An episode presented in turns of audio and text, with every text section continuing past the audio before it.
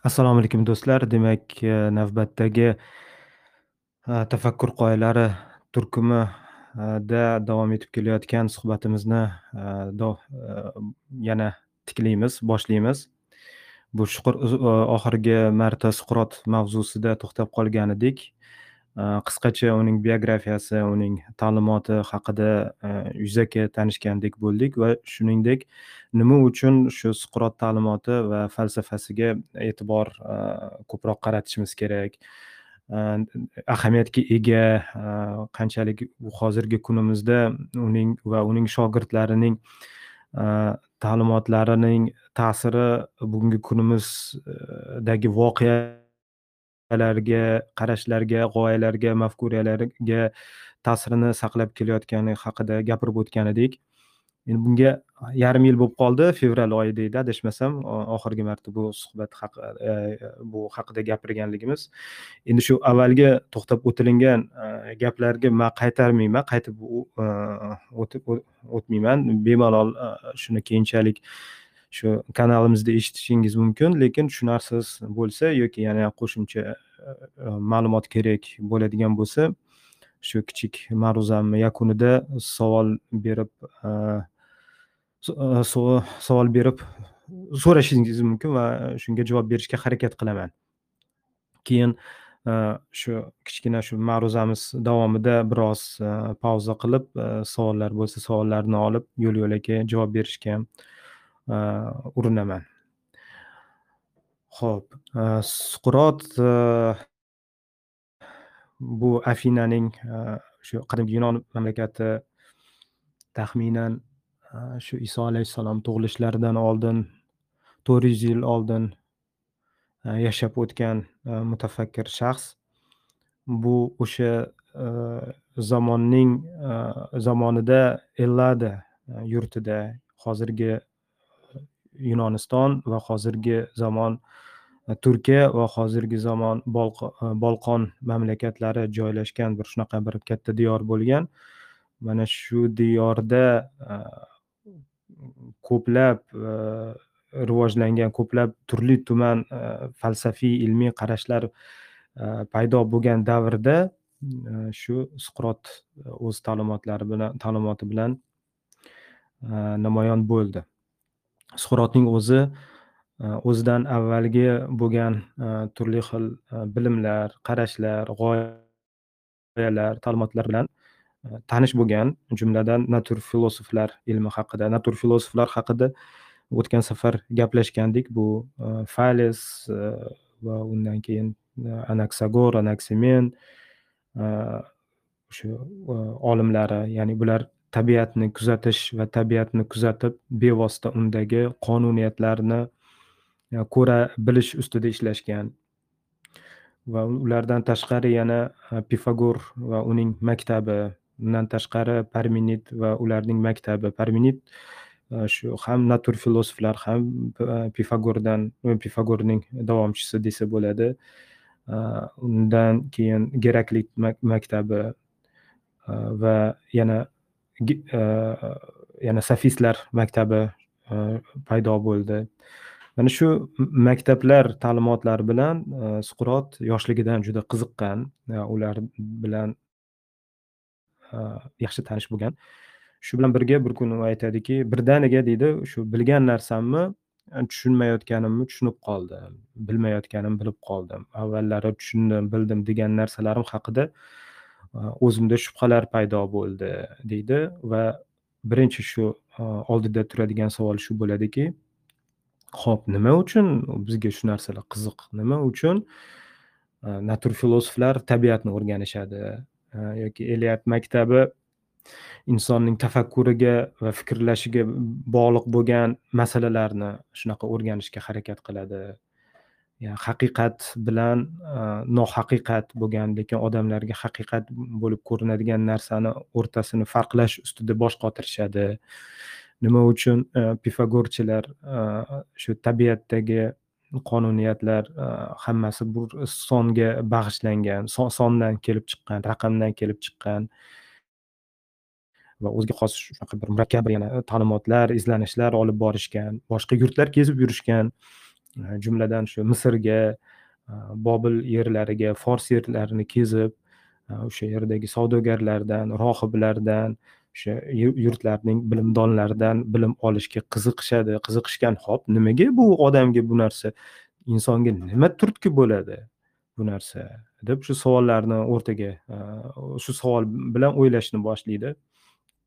Va natur filosoflarning e, shu ba'zi bir e, e'tirozlariga qarasha qarata aytadiki natur filosoflar nima e'tirozida nima? Bu atrof shu kosmos tabiatni o'rganish o'zi qiziqku shu narsalarni o'rganish mana shuni shu narsani o'zi ilmku shu ilmni o'zidan foyda olinadiku deganda shu suqrot aynan shu ilmlardan foyda olinadi. Inson o'ziga foyda qidiradi. O'zi o'zi uchun ilmdan bilimdan foyda qidiradi. Ilmdan bilimdan yaxshilik qidiradi. Yaxshilik nima bu ezgilik ezgulik. Hop demak deydi e, hamma yaxshilikning nimaiki yaxshilik bo'lsin nimaiki ezgulik bo'lsin u bilimdan. Va nimaiki yovuzlik bo'lsin nimaiki yomonlik e, bo'lsin bu e, bilimsizlikdan ya'ni jaholat johillikdan deb hisoblaydi. Endi albatta bu fikrga darrov aytishimiz mumkin. Bilib turib zulm qiladiku bilib turib noto'g'ri ish qiladi. Inson bir narsani biladi lekin shu bilimiga yarasha to'g'ri ish qilmaydi deganda shunda suqrot aytadiki yo'q bu chin bilim emas chin bilim qachonki chin bilim bo'ladi? Qachonki shu bilim uni tushunchalariga ongiga va ongidan uning amaliga o'tib ketgan bo'lsa mana o'shanda u chin haqiqiy bilimga erishgan bo'ladi va qachonki u bilimni u bilimni o'ziga e, nima desam ekan yo'lboshchi qilib olsa u ilmni o'ziga yo'lboshchi qilib olsa ana o'shanda bu inson bilimli bo'ladi. Qachonki inson bilimiga nisbatan xuddi o'zini quliga qaragandek xizmatkoriga qaragandek qarasa u insonni bilimli deyilmaydi. U inson e, bilimiga xuddi bir narsadek qaraydi. Lekin u inson o'ziga nimani e, nimaga yo'l boshchi nimani yo'l boshchi qilib qo'yadi? O'zini hissiyotlarini orzu havaslarini havosini sevgisini muhabbatini e, ya'ni turli xil boshqa har xil ehtiroslarini e, va va va xohish istaklarini o'ziga yo'lboshchi qilib oladi. Va shu yo'lboshchilik qilib olganda shu bilimi shu shu shu yo'lboshchi qilib olgan narsasiga mos kelsa shu bilimni ishlatadi mos kelmasa tashlab yuboradi. Bu narsani chin bilim deb bo'lmaydi dedi undan tashqari mayli ho'p yana tushunarli bo'lish uchun e, buni endi suqrot aynan shunaqa gradatsiya shaklida aytmagan lekin man shuni soddalashtirishga harakat qilaman. Qarang e, inson neytral bilimsizlik holida bo'ladi to'g'rimi? Bo'lishi mumkin.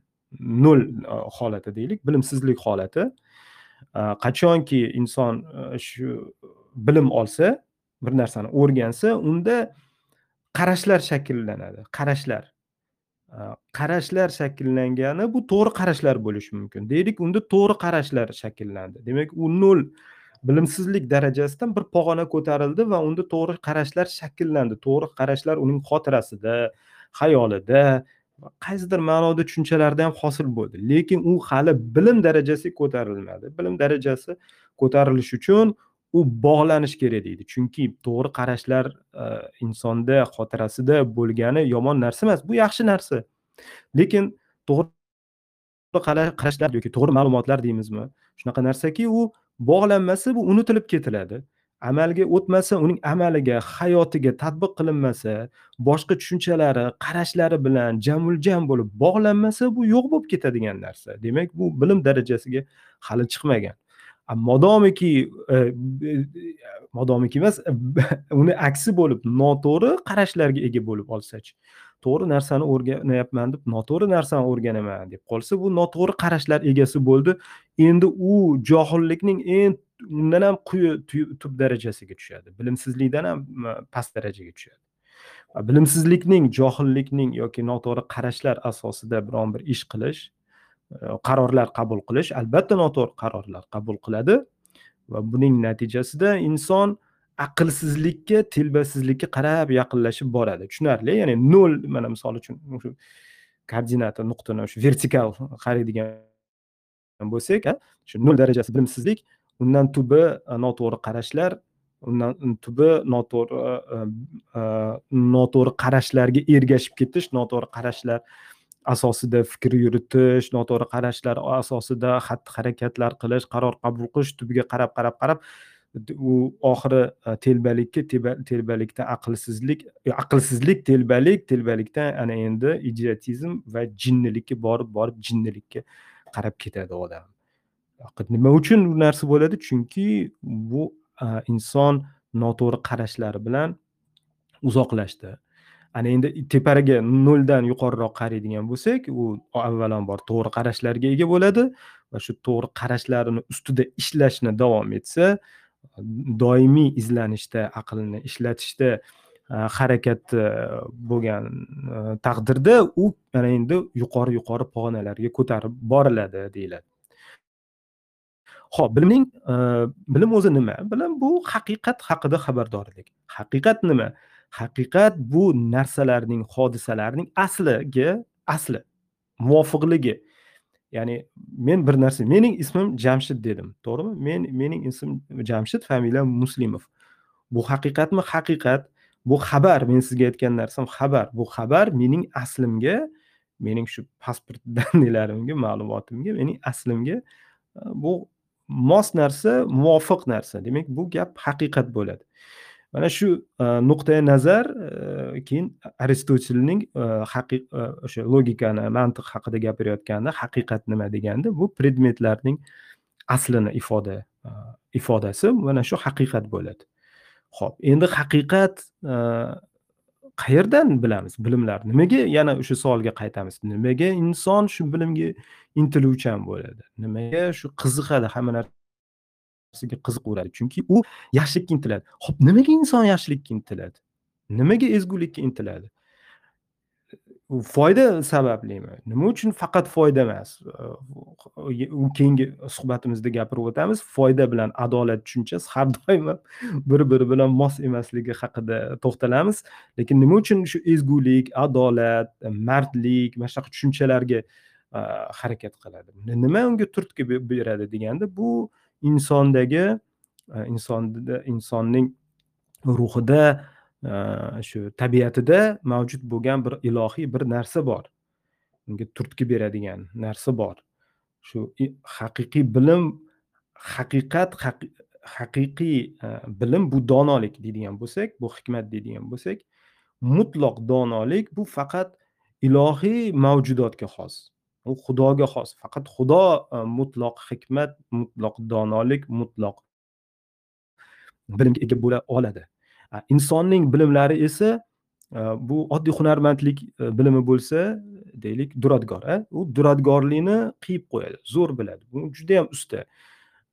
Oddiy xatti harakatlaridan uslublarni bilishdan tashqari ya'ni san'at asarlari yarata oladi. Demak uning donoligi mana shu hunarining doirasida. Boshqa odam boshqa narsa hunari yoki Э, qobiliyatning doirasida unda donolik bo'ladi. Lekin bu asl tushuniladigan donolik emas bu chegaralangan insoniy donolik. Lekin haqiqiy donolik haqiqiy hikmat bu ilohiy hikmat. Bu ilohiy hikmat. Inson harakat qilish kerak o'zining insoniy bilimlari bilimlarini kuzatuvlarini tajribasi bilan kuzatuvlari bilan izlanishlari bilan topadigan bilimlarini ilohiy bilimga ilohiy hikmatga yaqinlashtirishga harakat qilish kerak deydi. Ho'p nima bilan yaqinlashtiradi? Ilohiy hikmat ilohiy bir bilimlar bilan qanaqa qilib yaqinlashtirish mumkin desa aql faoliyat bilan. Bizga xudolar deydi endi xudo bir joylarda xudo bir joyda. Xudolar bu yerda hozir e, suqrotning teologiyasi o'sha xudo haqidagi tushunchalarni haqida to'xtalib o'tmaymiz. Nima bo'lgan taqdirda ham bizga insoniyatga berilgan haqiqatga intilish o'rganishga intilish shu e, aqlni ishlatish orqali shu narsalarga intilish berilgan. Demak inson aqlini aqliy faoliyatni ishlatgan holda o'zining shu nol shu hayvoniy darajasidan insoniy darajaga ko'tariladi va insoniy darajasidan ham yana yuqoriga chiqadiki qancha ko'p shu aqlini ishlatsa. Lekin bu yerda aqlini ishlatsa deganda muntazamlik bilan aqlni ishlatsa ya'ni o'ziga o'zi ziddiyatga kirib qolmasa va faktlarni haqiqiy bilimni qarashlardan ajrata olsa buni ajrata olish uchun mulohaza orqali suhbat orqali dialog orqali bahs orqali o'zi bilan o'zi yoki boshqa odam orqali bu narsa bu narsa yaqqol ko'zga ko'rinadi. Ho'p mana ko'zga ko'rinadi bu yerda kalit so'z bir narsani ustida fikrlar e, fikrlayotganingizda izlanish olib borayotganingizda yoki suhbat yoki suhbat haqiqiy ilmiy suhbat bo'ladigan bo'lsa haqiqat shundoq ko'zingizga ko'rinadi shundoq ko'rinadi yaqqol ko'rinadi. Buni aql ko'zi bilan siz ko'rasiz shu narsani. Lekin bu ko'rishga e, ko'rishga yetib borish uchun harakat qilish kerak mehnat qilish kerak deyiladi deydi.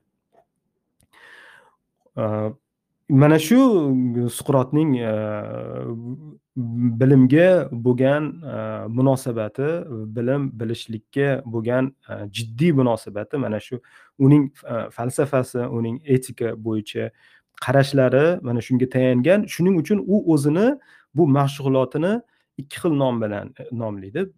Birinchi nomi bu falsafa ya'ni filosofiya.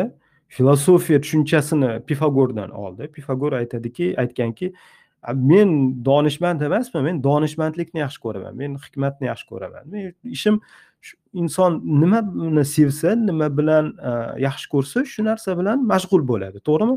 Men yaxshi ko'rgan narsam bu hikmat bu bilim bo'lganligi uchun men shuni yaxshi ko'rgan narsam bilan mashg'ulman.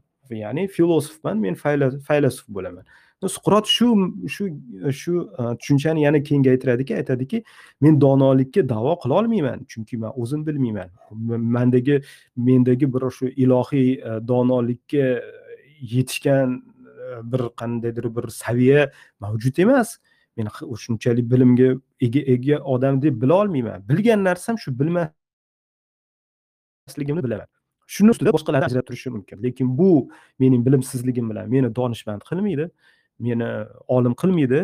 Men shu donishmandlikni hikmatni yaxshi ko'ruvchi inson qiladi. Mana hozir futbol fanatlari borku mana futbol fanat degani bir narsaga bir, bir, bir narsani yaxshi ko'rish deb yaxshi ko'rish sevish degani.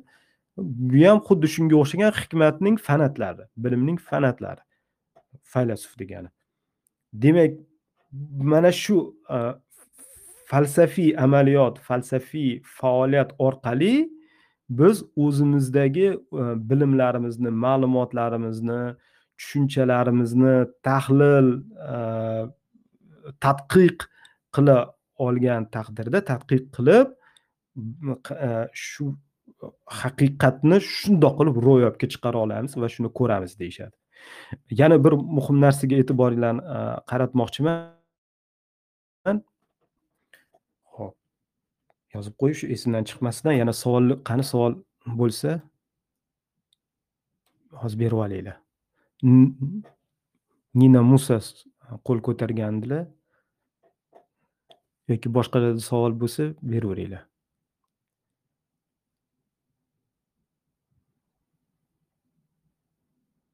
yo'q savol kelmadi. Mayli davom etamiz. Shu e'tiboringlarga qaratmoqchi bo'lgan narsa shu yunon falsafasining eng e, ta'limotlarining falsafiy ta'limotlarining ilmlarining eng debochasida boshida turgan e, mutafakkirlari e, bu natur filosoflar bu Falis maktabi haqida gapiradigan bo'lsak bir eslasangiz ular nima deyishadi? Bu tabiat bu hamma narsada hamma narsa bir narsadan paydo bo'lgan bo'lishi kerak deydi. Kimdir suvdan kimdir olovdan kimdir kimdir havodan. Kimdir aperon degan narsadan ya'ni chegarasi yo'q bo'linmas bir chegarasi yo'q narsadan. Keyinchalik demokrit atomlardan iborat deydi. Geraklit olov logosning emanatsiyasi deymizmi? Shu shuni kelib chiqishi deyishadi. Va parmenid gapini eslaydigan bo'lsak aytadiki bu hamma narsa yaxli bir narsa ahamiyat bering demak hamma narsa bir narsadan hamma narsa aslida bir. Parmenid ham aytadiki haqiqat bo'lsa u haqiqat e, bu borlik degani asl haqiqat bu borlik yo'qlik emas. Demak hech qanaqangi harakati yo'q. Bu bir e, u hech qanaqangi o'tmishi ham yo'q kelajagi ham yo'q. Bu yaxlit bir bitta katta narsa. Endi katta narsani o'zimdan qo'shyapman bir yaxlit bir shu sharsimon chegarasi yo'q narsa. Mana shu haqiqat bo'ladi. Uni savol tug'iladi. Nimaga biz hamma narsani suvdan paydo bo'lgan deymizku lekin suvligini ko'rmaymizku. Suv boshqa narsa qattiq narsa boshqa narsa. Olov deydigan bo'lsak hamma yoqni olov qilib ko'rmaymizku. Yoki harakatni ko'ramizku yoki narsalar bir biridan ajraganligini ko'p narsalar mavjudligini ko'ramizku. Hamma narsa bir narsa demaymizku shunga o'xshagan e'tirozlar berilsa ular aytishadiki ular har bitta o'zining ta'limotidan kelib chiqqan holda aytadiki bu san aytayotgan narsang bu hissiy kuzatuvlaring asosida shakllangan qarashlaring. Bu doksa deydi. Inglizcha bu opinion ruscha мнение. Вот ruscha so'zda juda qiziq so'z мнить degan so'z bor. Inson o'zida bir narsa bor deb o'ylaydiku aslida u narsa yo'q bo'ladi. Мнение. Qarash bu.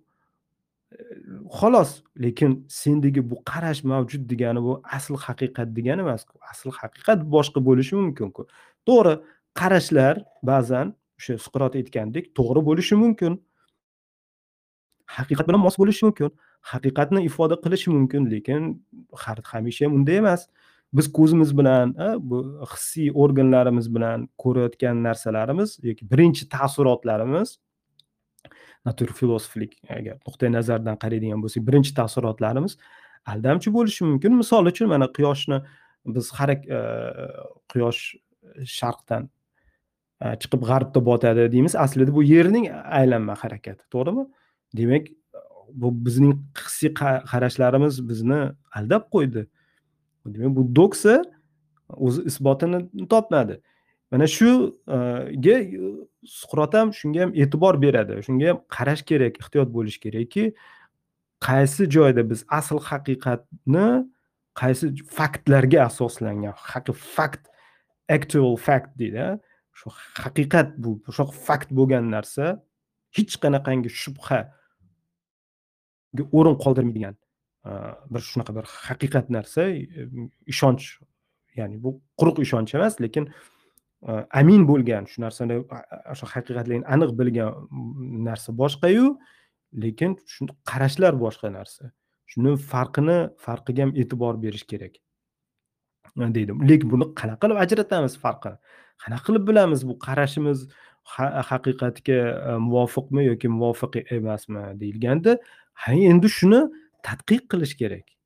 Inglizcha qilib aytganda examin yoki investigate e, qilish kerak. Kerak bo'lsa tergov qilish kerak.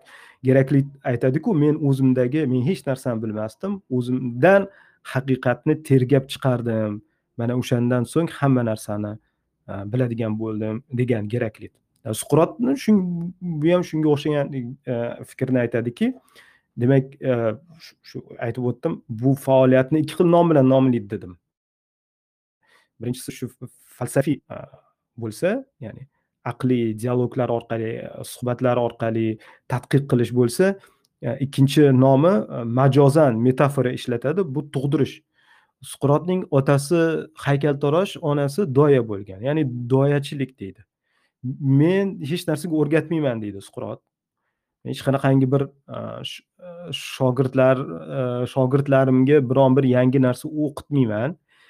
Balkim shu shogirdlarim o'zida o'zi haqiqatga o'zi bilmagan anglamagan haqiqatlarni e, bilan homilador bo'lganligini men tug'diraman.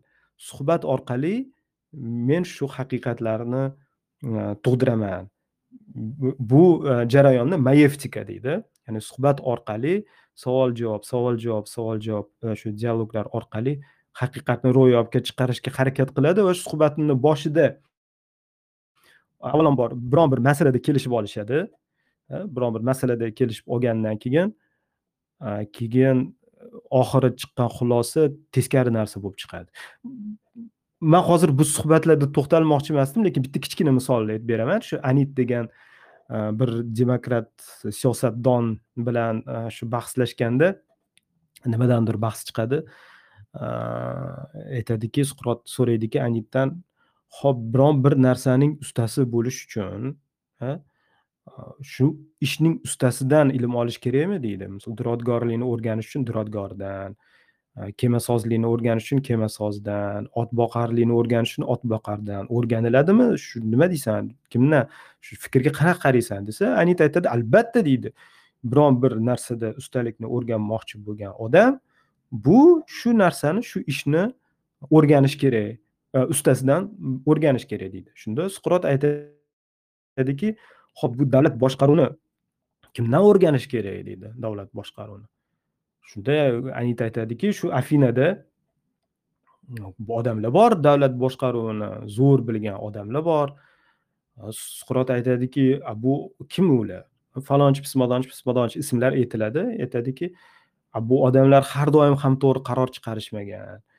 Ular e, e, to'g'ri qarorlari ham bo'lgan lekin noto'g'ri qarorlari ham bo'lgan. Shu noto'g'ri e, ular undan tashqari ular shogird chiqarib qoldirisha olmaganku buni? Faktku mana ular shunchalik siyosatda davlat boshqaruvida usta bo'lgani bilan ular o'zichalik yoki o'zidan kuchliroq biron bitta shogird qoldirisha olmaganku desa aynita aytadiki san suqrot juda bir xavfli narsalarni ko'p gapirib yuboryapsan og'zingga ja erkib berib yuborsan sal ehtiyot bo'lib yurgin deydi keyin anita yoki e, hikmatni kimdan o'rganish kerak? Hikmat e, hikmat bu e, biron bir narsani isbotlab berish kerak bo'ladigan bo'lsa mana sofistlar bu gap bilan mantiq bilan o'ziga xos mantiq bilan isbotlay olishadi. Ulardan o'rgansa bo'lmaydimi? Desa anita yo'q yo'q yo'q bularni o'rganish kerak emas deydi. Suqrot aytadiki nimaga ulardan o'rganish kerak emas? desa man ularni bilaman. Bular yomon odamlar. Firibgar odamlarni pulini olib e, shu gapga chechanlikni o'rgatadi gapdonlikni o'rgatadi shu treninglar qilib o'rgatishadi. Ulardan bilim olib bo'lmaydi deydi. Shunda suqrot aytadi san ularni ishini bilasanmi? deydi. O'sha ishini ko'rganmisan ularning suhbatida bo'lganmisan? desa yo'q deydi. Hop qayerdan bilasan desa ha man bilaman deydi. Shunda suqrot aytadiki san ularni ishini bilmaysan ishini ko'rmagansan lekin ular bilan ulardan biron bir narsa o'rganib bo'lmaydi deysan. Demak san hozir fol ochyapsan deydi. Xuddi shunaqa suhbatlar ko'p bo'lgan e, bu suhbatlar albatta e, natijasi yaxshilikka olib kelmadi. Shu anit keyinchalik suqrotni e, sudga berganlardan biri bo'ladi. Bu yana bunga bu, bu haqda buning tarixiga alohida to'xtalamiz. Yoki o'zining boshqa shogirdlari bilan shunga o'xshagan suhbat qilganda avvalambor suhbatni boshida bir masalani ustida kelishib olinadiyu. Shu suqrotda prinsip shunaqa narsa. Bahsga yo suhbatga kirishdan oldin umumiy pozitsiyaga umumiy kelishilgan pozitsiyadan boshlaydi. Keyin savol javob savol javob savol javob qilganda uning suhbatdoshi e man endi shu avval avvali aytib turgan fikrimdan qaytyapman. Bu fikrim noto'g'riligini tushundim desa suqrot aytadiki o'ylama qo'rqmagin e, o'ylamagin faqat sen shunaqa ahvoldansan man ham xuddi shunaqa ahvoldaman. Ikkalamiz e, hozir shu suhbat e, jarayonida biz ochgan suhbat jarayonida ochgan narsamiz e, shu bo'ldiki e, bu e, bu masalani biz bilamiz deb o'tiruvdik.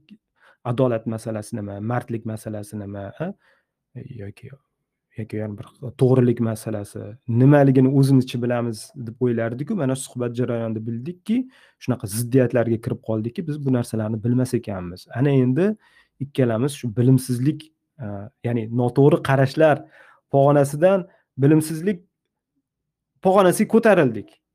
Bilimsizligimizni ko'rganligimiz bizning yutqizish emas balkim bizda bir pog'ona ko'tarildik. Ana endi bu masalani chuqurroq tadqiq qilishimizga imkoniyat paydo bo'ldi deydi suqrot. Mana endi kel ikkalamiz shu haqida fikr yuritamiz deydi. Mana shu suqrotning uslubi.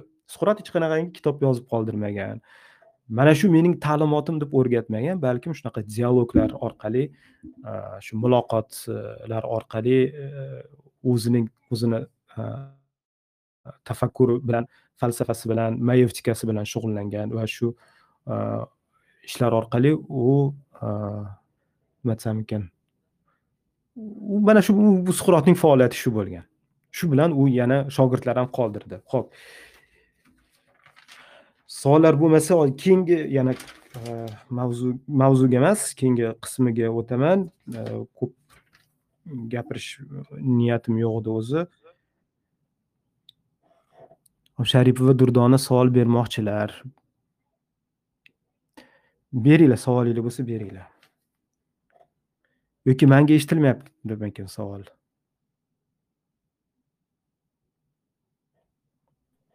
Eshitilishi qanaqa?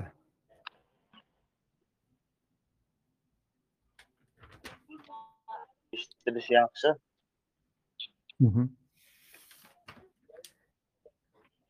So'ramoqchi bo'lgan narsalarni yoki fikrlarni beringlar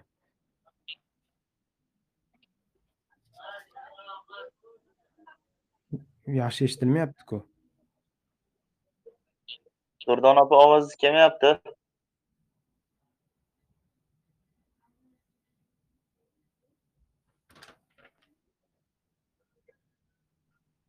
davom etaylik ho'p davom etamiz. Qo'l ko'targaninglardan keyin e, e, yoqilgan mikrofon yoqib berilgandan keyin iltimos e, shu gapirsanglar jim turmanglar sukut saqlamanglar. Ho'p nima nima deysiz? Mayli davom davom etamiz.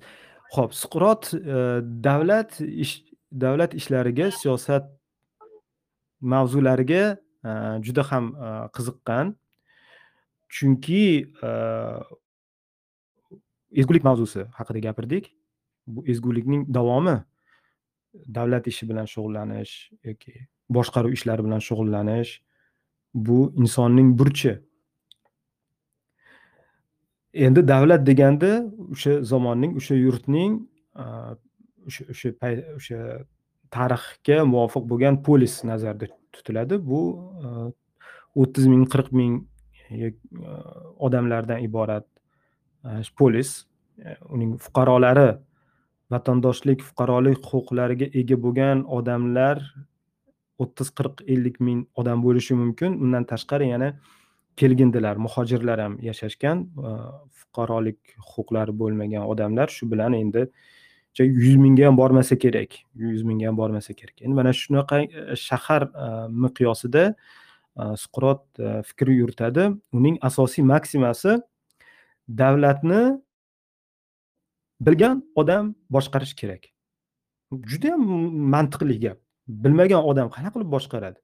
Judayam bir mantiqli gapu mana nima gapga o'xshaydi? Doktorlikni shifokorlikni shifokorlikda o'rgangan odam shifokor shifokorlik bilan shug'ullanadi to'g'rimi? Oshpazlik ilmini bilimini hunarini o'rgangan odam oshpazlik qiladi. Oddiy gapku. Lekin hech qayerda davlat boshqaruvchilarini maktabini ko'rmaymizku ko'rmaganmizku. Biron bir davlat boshqaruvchisi ustoz bo'lib keyingi boshqaruvchilariga bir ilm tizimli muntazam bilim berganligini ko'rmaymizku. Bunga endi sabab mm, sabablardan biri bu shu sohaning noqisligi bo'lsa va shu sohani ikkinchi sababi shu sohaning e, xususiyatlaridan. Chunki e, boshqaruv san'atini boshqaruv bilimini boshqa hunarlarni o'rgatgandek o'rgatib bo'lmaydi. Bu boshqacha e, tabiatan boshqacha bir xislat.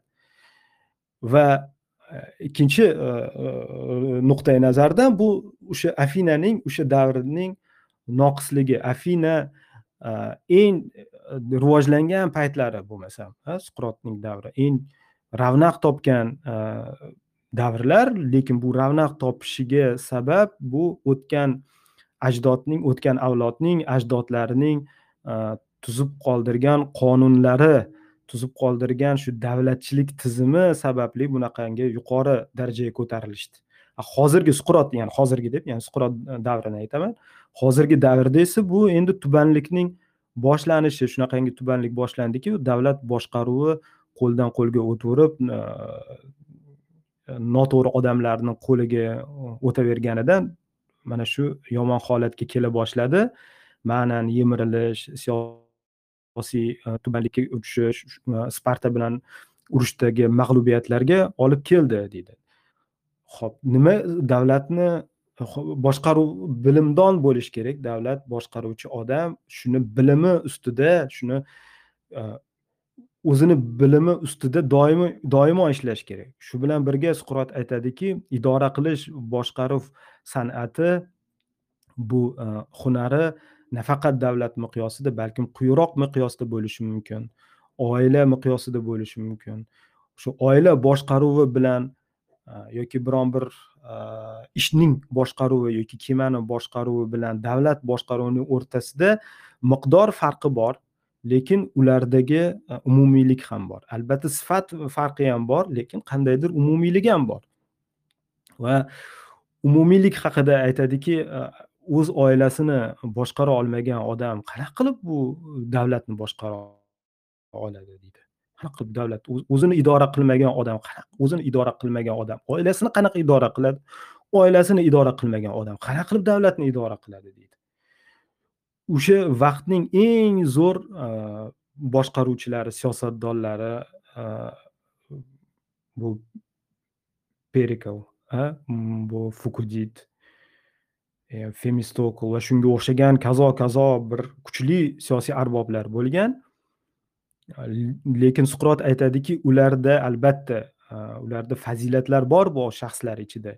Lekin ulardagi idora qilish boshqaruv qilish bilimlari ulardagi bilimlar to'kis bo'lmagan va ular to'g'ri e, qaror chiqarishganligining sababi bu ilohiy ilhomdan boshqa narsa emas. Bu ilohiy manbadan kelgan ularni qalbiga aqliga solgan biron bir qarorni qabul qilishgan bu qarorlar to'g'ri bo'lib chiqqan. Deydi. Lekin ular to'kis ravishda mukammal boshqaruvchilar bo'la olishmaydi agar bo'lishgandaku ular hukmronligini yo'qotish juda bir juda bir ko'ngilsiz ravishda yo'qotishmasdi. Spartaga mag'lub bo'lishmasdi deydi.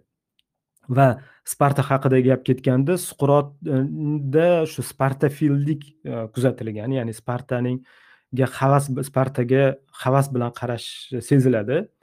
E, sparta endi madaniyat saviya ham moddiy boylik nuqtai nazaridan afina va afinaning ittifoqchilari ga solishtirganda albatta ancha orqada bo'lgan. Madaniyat saviya ilm va ko'p sohalarda sparta ancha orqada bo'lgan afinadan.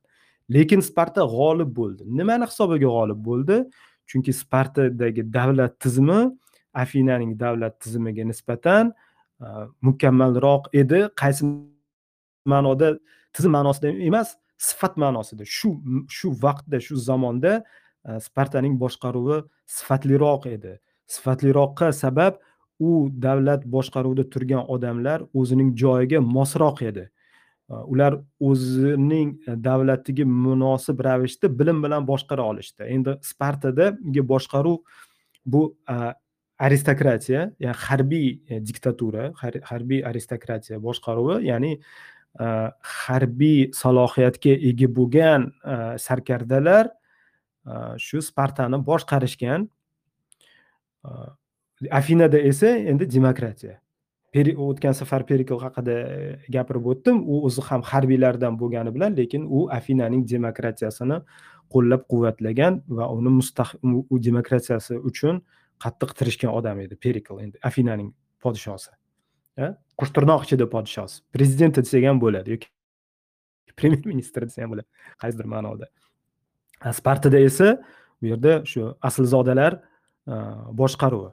Endi bu yerda savol tug'iladi. Suqrot nima?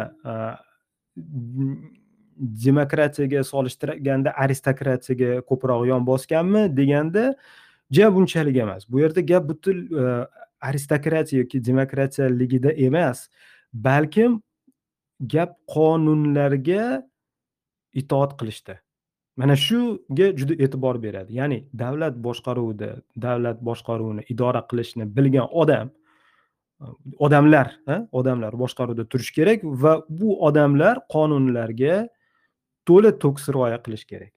To'la to'kis qonun va qonunchilik g'oyasiga e, e, itoat qilish kerak. Sparta aynan shunisi bilan g'olib bo'ldi deydi. Demak to'g'ri u yerda diktatura harbiy diktatura harbiy aristokratiya undagi lekin boshqaruvchilari o'zining nafsini boyligini hoyu havosidan ko'ra umumiy shu spartaning umumiy manfaatini oliy yuqoriga qo'yishgan va ularning shu yuqoriga qo'yishganligidan nimadan ko'rinadi desa ular qonunga itoat o'zlarining chiqargan qonunlariga yoki ajdodlari shakllantirgan o'zlariga xos bo'lgan qonunlarga itoatkorroq bo'lishdi va shuning uchun ham ular g'olib bo'lishdi va bizning bizdan ustun bo'lishdi deydi. Endi demokratiya holatida esa o'sha afinaning demokratiya holatida ham spartadan g'olib bo'lishi mumkin edi ustun kelishi mumkin edi. Agarki o'zlarining shu ajdodlari e, qoldirib ketgan qonunlariga rioya qilishganda qonunlariga nisbatan hurmatli bo'lishganda bunda ham g'olib bo'lishardi demak bu yerda e, e, endi nima desam ekan asosiy narsa davlatning boshqaruvining shakli emas shakli emas balkim undagi qonunga bo'lgan e, sifat e, sifati mana shunisi bilan farq qilinadi. Shunisi bilan ajrab turiladi. Geraklitning eslasak unda ham xuddi shu gap bor. Xalqlar deydi xuddi o'zini shaharini e, dushmandan bostirib kelayotgan shahar devorlarini qo'riqlagandek devorlari uchun kurashgandek qonunlari uchun kurashish kerak deydi. Nima uchun shahar aholisi devorlarga borib yopishib oladi. Nimaga? Devoriga dushmanni yaqinlashtirmaydi. Gap nima? Tosh bu loydan yasalgan devorni nima nima ahamiyati bor nima qadriyati bor? Devor bu shaharni himoya qiladi shu shaharni o'zini himoya qiladi. Bu xalqning o'zligini o'zligini himoya qiladigan bir narsa vosita. Qonunlar ham xuddi shunday. Qonunlarga ham xuddi shunday munosabatda bo'lishi kerak deydi geraklit. Suqrot ham xuddi shu shu shu oqimda fikrlaydi demak qonun demak muhim narsa. Unga savol berishadi suqrotdan so'rashadiki adolat nima ekan qani bir adolatni tushuntirib berginchi desa suqrot adolat deydi adolatsizlik qilmaslik deydi. Uni suhbatdoshi kulib qo'ysa endi bunaqa yengil javobga ho'p agar mani javobim yoqmaydigan bo'lsa senga aytamanki shu qonunlar bu shaharning shu davlatning qonunlari bilan yashash mana shu to'g'rilik bo'ladi deydi. Shu adolatli bo'ladi deydi. E, bu yerda yana e, noto'g'ri xulosa kelib qolishi mumkinki har qanday qonunlar bu qonun degan nomi bo'lsa shunga itoat qilib ketavergani bilan shu adolat bo'lib ketadimi? Ba'zan qonunlar adolatsiz bo'ladiku degan e'tiroz bo'lishi mumkin. Albatta buni ajratish kerak. Qonun deganda katta harf bilan qonun. Ya'ni bu ilohiy manbadan kelgan qonun bo'lishi mumkin yoki insonlar aqlini ishlatib ya'ni xolis samimiy bo'lgan holda turib o'zini nafsini birinchi o'ringa emas balkim umumiy insoniyat e, manfaatlarini birinchi o'ringa qo'yib shu adolatni birinchiga o'ringa qo'yib shakllantirgan qonunlar nazarda tutiladi. Agar bu qonunlar bo'lmasa inson jamoa bo'lib yashay olmaydi. Shahar bo'lib davlat bo'lib e, e, yashay olmaydi. Yana ahamiyat beraylik davlat polis deganda unda jamoa shakliga e'tibor beriladi. Bu yunonlarga xos narsa. U diktatura spartaning aristokratlar diktaturasi bo'ladimi yoki afinaning e, e, demokratiyasi bo'ladimi unda baribir jamoaviylik birinchi o'rinda turadi. Bu jamoa e, shaharning shu shahar aholisining manfaatlari nazarda tutiladi. Yakka xon podshohning emas. Bo'lmasam yunonlarda ba'zi bir polislarda podshohlar shohlar bo'lgan jumladan geraklit ham shoh avlodidan bo'lgan. Lekin u shohlar ham shu shaharning manfaatlariga manfaatlari uchun xizmat qiladigan odamlar bo'lgan. Ularda shunaqa tushuncha bo'lgan. Shunga ham e'tibor berish kerak. Afinada turli xil davlat to'ntarishlar ro'y berganda o'ttizlik degan tiranlar boshqaruvi uzurpatorlar hozirgi tilda nima deydi? Hozirgi tilda hozirgi tilda bir nom bor edi puch deydimi? Puch shunga o'xshagan narsalar davlat to'ntaruv o'tkazgan toifalar qonunlar chiqarishganda suqrot ularni bir tinga olmasdi. Chunki ular qo'sh tirnoq ichidagi qonun. Qonun deb nomlashgani bilan o'zligicha hukmronlikni olib avvalgi shu o'zlarining an'anaviy e, e, qonun qadriyatlarini toptagan holda chiqargan qonuni nima bo'ladi bir tinga qimmat bo'lardi. Demak suqrot bu yerda nazarda tutmaydiki bu zolimning chiqarib qo'ygan gapini e, shu buyrug'ini adolatsiz buyrug'ini o'z uz o'zidan qonun deyilmaydi. Qonun deganda ancha chuqur narsa tushuniladi bunda. Yana suqrotning fikri bo'yicha inson e, haqiqiy insonning burchi insoniylik burchi o'zining shahrida o'zining davlat e, e, davlatiga sodiq bo'lishi kerak. U ma'lum balog'at yoshiga erishdimi? Fuqarolik ularda ham shunaqa fuqarolik olish an'anasi bo'lgan. Ya'ni vatandoshlik e, an'anasi bo'lgan. Shuni olish olmaslik ixtiyori bor olmaslik huquqi bor. Agar u yashab turgan davlat yoki shahar uning qadriyatlariga istaklariga xohishlariga javob bermasa bemalol e, shu shaharning fuqarosi bo'lmay fuqarosiz Э, э, fuqaroning huquqlaridan mahrum bo'lgan holda oddiy kelgindilarga o'xshab yashashi ham mumkin muhojirlarga o'xshab yoki boshqa davlatga ko'chib ketib boshqa shaharning o'ziga yoqqan shaharning fuqaroligini olib ko'chib ketishi mumkin. Modomiki shu shaharning davlatning fuqarosi vatandoshi bo'ldimi? Ana endi bu vatandoshligi vatandoshlik e, unga davlat katta imtiyozlar beradi. Uni martabasini ko'taradi. Lekin shu bilan birga u shaharning shu shahar davlatning manfaatlari uchun ham kurashish kerak bo'lsa kerak bo'lsa jonini berish kerak bo'lsa jonini berish kerak deydi. Va shu shaharning chiqarib qo'ygan qonunlari uning shaxsiy manfaatlariga zid kelib qolgan bo'lsa shu shaxsiy manfaatlaridan zid kelish kerak e, shu shaxsiy manfaatlaridan e, voz kechish kerak to'g'ri ish bo'ladi. Mana shu haqiqiy insoniylik burchini shu bilan bajargan bo'ladi deydi. Albatta bu hamma yunonlar yunon mutafakkirlarning e, qarashlari xuddi shunday bo'lmagan. Misol uchun demokritga o'xshagan e, mutafakkirlar man deydi qayerda menga yaxshi bo'lsa qayerda o'zimga e, ko'nglim tusagan joy menga komfortli joy komfortli qulay joy bo'lsa o'sha joyning o'sha yerning men vatandoshiman deydi. Butun yer butun yer butun olam mening mamlakatim. Men men shu mamlakat butun yerning fuqarosiman deydi. Ya'ni kosmopolitizm deydi hozirgi mm, til bilan aytsa yoki dunyo fuqarosi yoki jahon fuqarosi degan tushunchasi bor. Nimaga endi biz bitta davlatning chegaralariga qonunlariga fuqaroligiga vatandoshligi bog'lanib qolishimiz kerak? Bu inson unaqa inson ozod bo'lmaydiku. Desa bunga ham e'tiroz berish qiyin emas. Chunki e, jamoa inson jamoa bo'lib birlashgandagina u yashab qola oladi. Yashab qolib o'zining hayot tarzini yaxshilay oladi. Jamoa bo'lgan holdagina. Hayot tarzini yaxshilagandan tashqari yaxshilashdan tashqari Э, ezgulikka intiladiku insonning tabiatida bor dedik. Uni ilohiy manbadan shu tug'ma shu tabiatida bor ezgulikka intilish. Mana shu ezgulikka ham shu jamoa ichida e, intila oladi.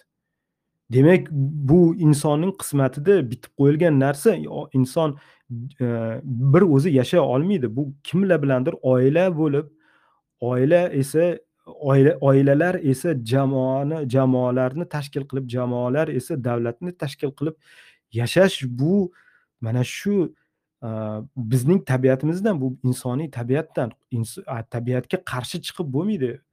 Mana shunda adolatsizlik shundan boshlanadi. Qachonki tabiatga qarshi chiqiladigan bo'lsa baxtsizlik shundan boshlanadi. Inson agar tabiatiga qarshi ish tutadigan bo'lsa. Albatta ba'zi bir odamlar bemalol besh oltita pasportga ega bo'lib borku shunaqa ver pasportov deydi pasportlar yelpig'ichiga ega bo'lgan odamlarni bilamiz rossiyani ham isroilni ham amerikani ham turkiyani ham yana qaysidir orolni ham fuqaroligini olgan u xohlasa u yerda yashaydi xohlasa bu dunyoda yashaydi hech kim bu narsani chegaralay olmaydi hech kim unga bunaqa qilib yashashingga haqqing yo'q deya olmaydi o'zini jahon fuqarosi deb atashi mumkin lekin u yashab yurgan davlatlarda o'zini xotirjam his qiladi. U yerda o'zini e, huquqlarini talab qila oladi. Yoki bu fuqarolik bo'lmasa ham e, rezidentship bo'lishi mumkin permanent rezident yoki видно жительство deydi yoki iqoma deyiladimi? Har xil nomlari borku pasport bo'lmasa ham shunaqa hujjatlar bilan yashash huquqiga ega bo'lib o'sha davlatlar davlatning fuqarolari yoki o'sha fuqarolarning ajdodlari e, yozib chizib hosil qilgan tizimni doirasida maza qilib yashaydiku foydalanyaptiku bu xuddi bilasizmi nimaga o'xshaydi. Yo'q manga man o'zimni ham bolalarimni ham emlamayman vaksinatsiya qilmayman. Deb turib oladi. Mana vaksinatsiya qilmadim bolalarim ham vaksinatsiya qilmadi kasal bo'lishmadiku deydi. Misol uchun har xil kasalliklar borku. A to'g'ri san kasal vaksinatsiya qilmaganingda vaksinatsiya qilmasang ham kasal bo'lmading. Chunki sani atrofingdagi odamlar vaksinatsiya bo'lgan vaksinatsiya qilgan. O'shalar ommatan ommaviy vaksinatsiya bo'lganligi uchun ham balkim sanga shu kasallik yetib kelmayotgandir degan e'tiroz bildirish mumkin. Ya'ni e, e, aytmoqchimanki suqrotning gapida jon bor. Inson baribir qayerdadir qo'nim topib qaysidir jamoada qo'nim topib mana shu jamoani ichida shu jamoaning qonun qoidalariga e, rioya qilib va shu qonun qoidalarini e, oliylashtirishga ya'ni amalga tatbiq qilishga xatti harakat qilish kerak. Bu insonning burchi insoniy burch deb biladi. Albatta u e, ko'chmanchi bo'lib muhojirlikda yashab yurish ham bu ham bir o'ziga xos bu ixtiyor bu. Haqiqat lekin shundan foydalangan boshqalarning shu insoniylik fuqarolik burchini bajarganligi uchun ham shundan foydalanyapti. Foydalanyapti deyish mumkin. Mhm. savol tug'iladida shu joyda bu suqrot mana kosmopolitizm g'oyasini ilgari surgani bilan inson suqrot kosmopolitizm g'oyasini ilgari surmaydi kosmopolitizm g'oyasiga qarshi gapiradi. Ha qarshi gapiradimi? Manda ham xuddi xuddi shunaqa fikr paydo bo'ldi mana shu yer yuzini vatan deb bilgani bilan inson o'zi uchun qulay e, joyda yashab shu joyda faoliyat yuritgani bilan e, amalda baribir qaysidir davlat uchun e, xizmat qilayotgan hisoblanadiyu demoqchi edim. Xizmat qilganda birinchidan suqrot bu fikrga yoqlamaydi aksincha kosmopolitizmni teskarisi bu. G'irt g'irt patriot vatanparvar. Uni keyingi suhbatlarimizda ham ko'ramiz uni ziyoniga chiqqan sud qarorini e, ijro etmaslikka imkoniyatlari bo'lib turib ham shu qonunlarni ijrosini mana mani zararimga shaxsiy ziyonimga shaxsiy zararimga bo'lsa ham mana sizlarga ko'rsatib qo'yaman man qonunga e, rioya qilishni deb o'zini timsolida shu narsani ko'rsatadi. Va bu insonning insoniy burchi deb biladi. Biron bir davlat uchun fuqaro bo'lib vatandosh bo'lib o'sha yashashni yana qaytarib aytaman bu yerda muhim narsani unutmaslik kerak bu yerda gap shu polislar haqida shahar davlatlar polisi haqida gap ketyapti va shu imperiya haqida emas mutlaqo imperiya chunki boshqa narsa ya'ni vaqti kelib imperiyalarga ham kelamiz lekin yana shu siz hozir aytgan narsa mana siz odilxon aytgan narsa siz boshqa davlatga borganda ham shu shu davlatga xizmat qilib qo'yadiku hech bo'lmasa soliqlari orqali. Lekin suqrot aytadiki bu ham kam bu narsa bu ham hech narsa emas. U periklning e, aytadiku bizning fuqarolar bizning vatandoshlarimiz fuqarolik huquqlariga citizenlik e, huquqlariga bo'lgan odamlar nafaqat bu huquqqa balkim ularda burch bor. Davlat ishlariga aralashish kerak. Davlat ishlari bilan mashg'ul bo'lish kerak siyosiy ishlari bilan bevosita faol bo'lish kerak deb perikl o'zi shu narsani e, qat'iyatli bilan talab qilgan. Chunki bu ajdodlarimiz e, shakllantirgan e, qonun qoidalar deb aytadi va afinaning davlat tizimi shuni ustiga qurilgan deb shuni shuni ustida qat'iy gapiradi. Suhrob abdumo'minov savol bermoqchi ekanlar. Hello to speak. Suhrob. Savolmi yoki e'tirozmi nima demoqchi edingiz endi jim bo'ldilar endi. Ho'p.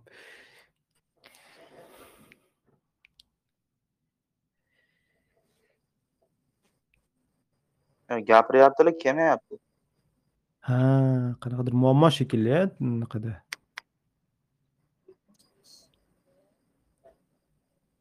qayta urinib ko'ring suhrob aka.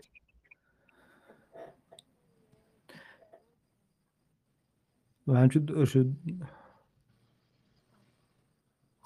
ho'p agar e, urinib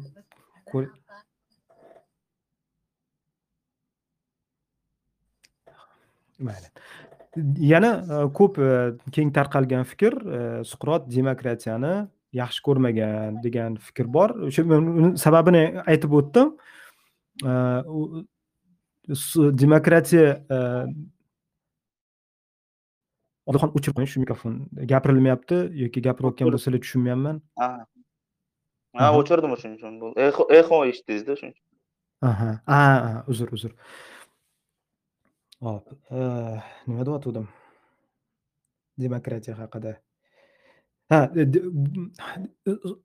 suqrot o'sha davrning o'sha vaqtning demokratiyasiga nisbatan o'ta skepsis bilan qaragan aytardiki qanaqasi bu oddiy rastachi odam oddiy haligi nima deydi mato sotadigan gazmol sotadigan savdogar uni ertayu kech o'ylaydigan dardi fikri arzonga narsa sotib olib qimmatroq sotish. Fikri shunaqa. Fikr xayoli shunaqa iborat e, shunaqa narsalar o'ylash bilan shunaqa ishlar bilan o'ralashib qolgan. Ya'ni saviyasi oddiy e, bozorchi saviyasi bo'lgan odam qanaqa bu davlat ishlarini hal qila oladi deydi. Qanaqa qilib bu unaqa odamlarni to'g'ridan to'g'ri e, siyosiy bir jiddiy urush va tinchlik bilan bog'liq bo'lgan qonunlar bilan bog'liq bo'lgan davlat ishlariga aralashtirish mumkin deydi. E, bu bu yerda e'tibor xalqni e, davlat ishiga e, yaqinlashtirishda emas balkim davlat ishida boshqaruvchilar idora qiluvchilar shu ishni yaxshi biladigan saviyasi ko'taradigan chuqur fikrlay oladigan keyin buni bu mana shu mavzuni platon yana rivojlantiradi davlat asarida bu haqida nasib qilsa gapiramiz. Ya'ni bu yerda qanaqadir sens kiritishga moyil bo'lgan deb o'ylayman suqrot. Buni man ko'rganim yo'q aniq aytmaganku lekin hozirgi zamonda shunaqa-ku oddiy odamlar e, xalq e, deputatlarni saylaydi deputatlar parlamentga chiqadi e, oliy majlisda keyin ular shu davlatning buguni va kelajagi bilan bog'liq bo'lgan o'ta muhim masalalarni muhokama qilib bahslar qilib polemika qilib haqiqatni shu biron bir kerakli foydali narsani ro'yobga chiqarib keyin shu qonunlarni chiqarishadi deydi.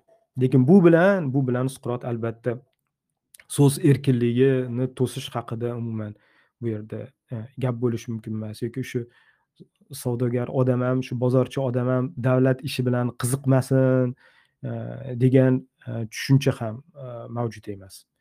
Qanaqadir bir struktura tizim yaxlit bir ishlaydigan mexanizmlar bo'lishi kerak. Shuni orzusida bo'lgan deb o'ylayman va shu fikr jarayonida mana shu bu yerda dilemma paydo bo'ladi. Biz aytyapmizki qonunlarni qonunlar shunday bo'lishi kerakki shu shaharning aholisi shu mamlakatning fuqarolarining manfaatlariga javob beradigan qonunlar bo'lishi kerak deymizda. Lekin shu shaharning aholisini yaqinlashtirish kerak emas deymiz. Bu g'alati gapda bu bir birini inkor qiladigan gap. Lekin shunaqa mexanizm bo'lishi kerakki bir tarafdan olomonni olomonning saviyasiga xlokratiya deydi. Olomonning boshqaruviga olib boradigan shu bardak kavardak ya'ni shu beboshlik darajasiga olib chiqmaydigan davlat bo'lishi kerak. To'g'rimi?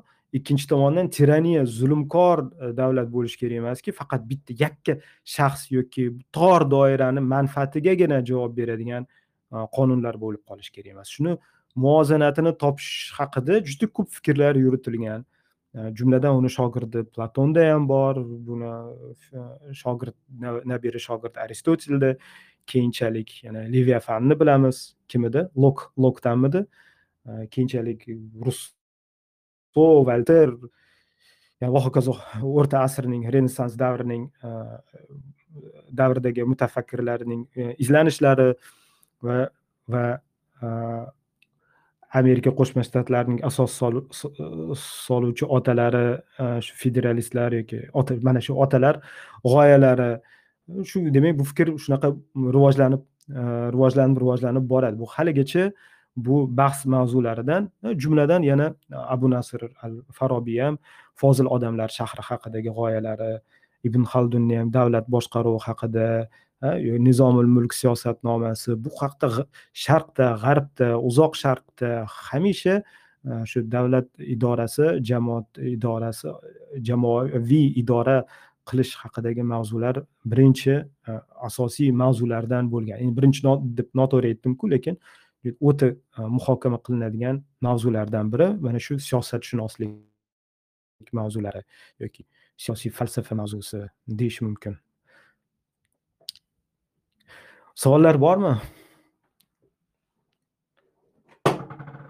Bir soatdan oshiq kichkina nima? Jon jon lok emas u o'sha leviafan tomas gobs edi.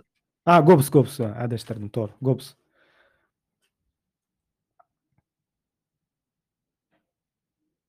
Man e, so'z bergandim bu yoqda mana sultonova profili egasiga qo'l ko'tarishgan ekan. Eshitib turishgan bo'lsa chiqib ketdilar.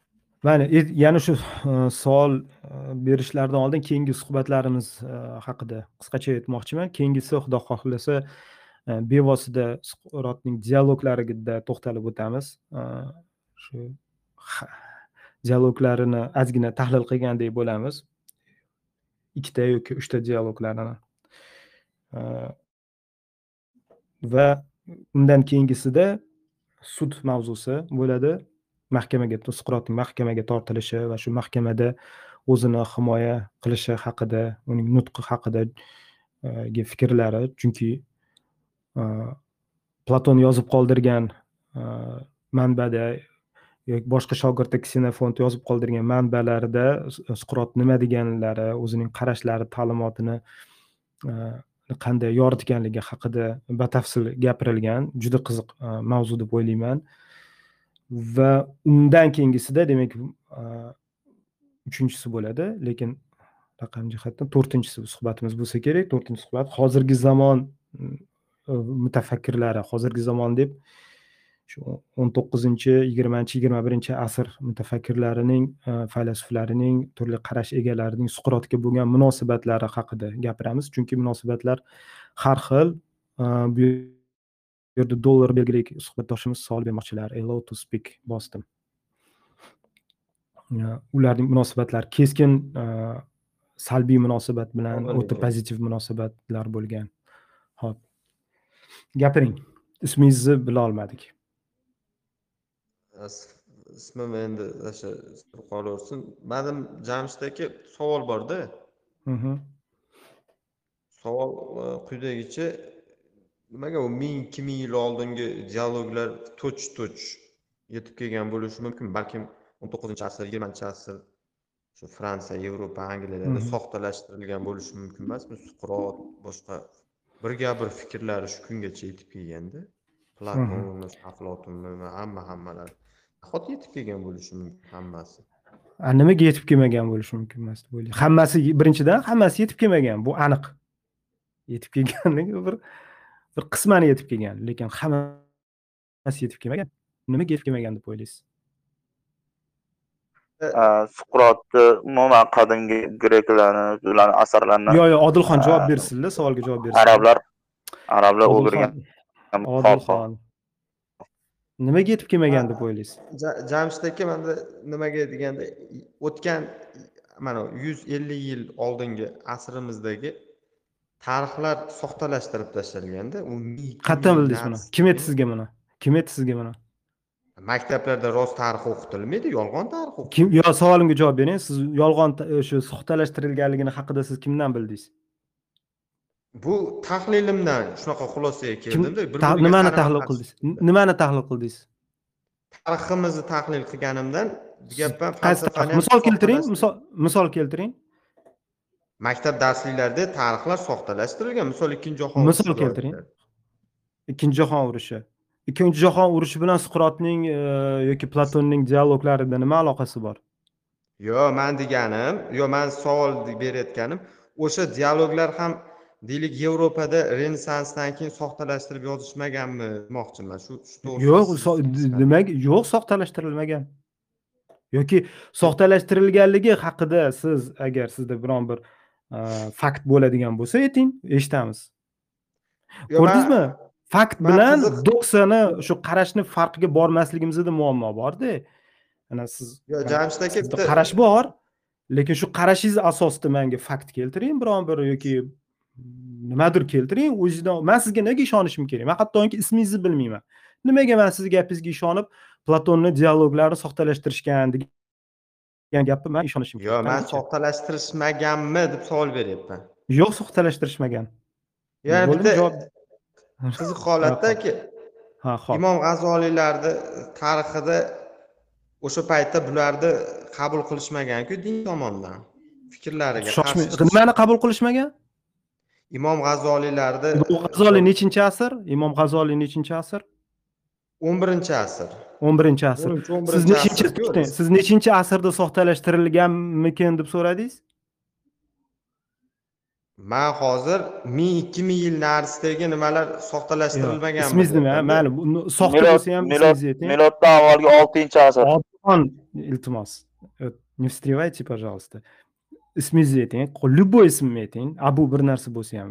Xudo xohlasa manimi saidazamov familiyam Saidazamov. Hurmatli Ha, Saidazamov. Mana siz familiyangiz. Hurmatli Saidazamov. Siz aytyapsizki, demak bitta savolni oldin tugataylik, keyin keyingi savolga o'tamiz. Bu lekin mana shu savollarga men oldin gapirib o'tganman, tushuntirib o'tganman, lekin yana shu mavzuga qaytish bo'lsa ham savol bersanglar javob beraman deb aytdim. Endi birinchi savolni hal qilaylik oldin. Birinchi savol berdingizki, mana shu bizgacha yetib kelgan dialoglar ha, mana shu dialoglar soxtalashtirilmaganmikin deb savol berdingiz. Siz o'zingiz soxtalashtirilganiga ishonasizmi? Soxtalashtirilgan deb bilasizmi? To'g'riroq gapirsam. yo Yo'q emas. bo'lishi mumkin degan fikrdamanda ellik yuz yil oldingi voqealar soxtalashtirilib bayon qilingani uchun yozilayotgani uchun siyosatdan kelib chiqib bular ham soxtalashtirilmaganmi degan savol beryapmanda siz shuni mutaxassisiz Yo, man mutaxassis emasman, lekin bir narsa mutaxassis bo'lish shart emas-ku. Qarang, soxtalashtirilmaganmikin dedingiz. Endi men sizga soxtalashtirilmagan dedim. Shu javob bilan javobim sizga kifoya bo'ldimi? javob beryapsizda man o'shani siz chuqurroq bilganingiz uchun sizdan so'rayapman man o'z. Aha. soxtalashtirilgan bo'lsa kerak degan fikrga kelganim uchun sizga so'radim sizni fikringiz Shu qanaqa fikrda shu fikrda qoldingizmi? Shu soxtalashtirilgan degan fikrda qoldingizmi? sizga o'xshagan e, o'sha shu sohalarni biladiganlarga ular ularga ham shu savolni berib ko'rish niyatim bor Ha, demak hali bu to'xtamga kelmadingiz, to'g'rimi? Oxirigacha kelmadim Ha, bo'ldi, tushundim. Man yo'q, bu juda muhim narsa-da, Saidda Azamovmidi familiyangiz? Bu juda ham muhim. Oldin bitta narsani hal qilib olishingiz kerak, keyingisiga o'tma o't- o'tishdan oldin. Xo'p, biron bir to'xtamga kelmadingiz. Demak, siz to'g'ri bo'ladimi agar men aytsamki, soxtalashtirilmaganlik ehtimolligi bor desam shu fikrga qo'shilasiz, to'g'rimi? qo'shilaman bo'ldi, xo'p. Ana endi keyingi savolga. Imom G'azoliylar qarshi bo'lgan dedingiz. Savol nima bu yerda? imom g'azoliyni davrida zamondoshlari u odamni fikrlariga qarshi chiqib hatto dindan chiqqan deb yuborishgan demoqchiman Kimni? imom g'azoliyni davridagi olimlarni imom g'azoliyni o'zini ham degan to'xtang, d degan qo'shimchani men tushunmayman. Ning yoki ni yoki da yoki dan qo'shimchalari bilan gapiring. Imom G'azoliy davrida, to'g'rimi? Kimni di- dindan chiqarishdi deyishgan? Kimni? mana aka islom dini hozir ham bor olimlarimiz dindagi masjiddagi imomlar Hop. falsafada qo'rqib ketadi dindan chiqishni tushunishadi Sizga savol bitta savolda turibsiz, shuni oxirigacha bering, do'stim. Oxirigacha bering. Hozirgi zamonni qo'yib turibsiz. Siz Imom G'azoliyning davrida a, qarshi chiqishgan u odamning fikriga dedingiz. Kimning fikriga? Kimning fikriga qarshi chiqishgan? imom g'azoliyni Imom G'azoliyning fikriga qarshi chiqishgan demoqchisiz. To'g'rimi? demoqchiman Xo'p, Imom G'azoliyning nima aloqasi bor bugungi mavzuyimizga? u odamlar ham falsafa bilan shug'ullangan odamlar ekanda kitoblarini o'qib shunga nima qilgan Xo'p, savol nima ekan endi? shu deganim aka soxtalashtirish bo'lmaganmi chunki o'sha Qanaqa qanaqa soxtalashtirishga nima aloqasi bor? Mayli, bir boshdan gapirib oling. Men siz gapingizni bo'lmayman. Xotirjam shu savolingizni berib oling. Men bo'lmayman. Uzr. Bering savolingizni. yo savolimiz javobini berdingiz man siz aytdingiz yo'q soxtalashtirilmagan deb shaxsiy fikringizni aytdingiz man aytyapmanki tarixda soxtalashtirish ko'p bo'ladi shu olimlarni G'azoliy to'xtang, bizni to'xtang, to'xtang.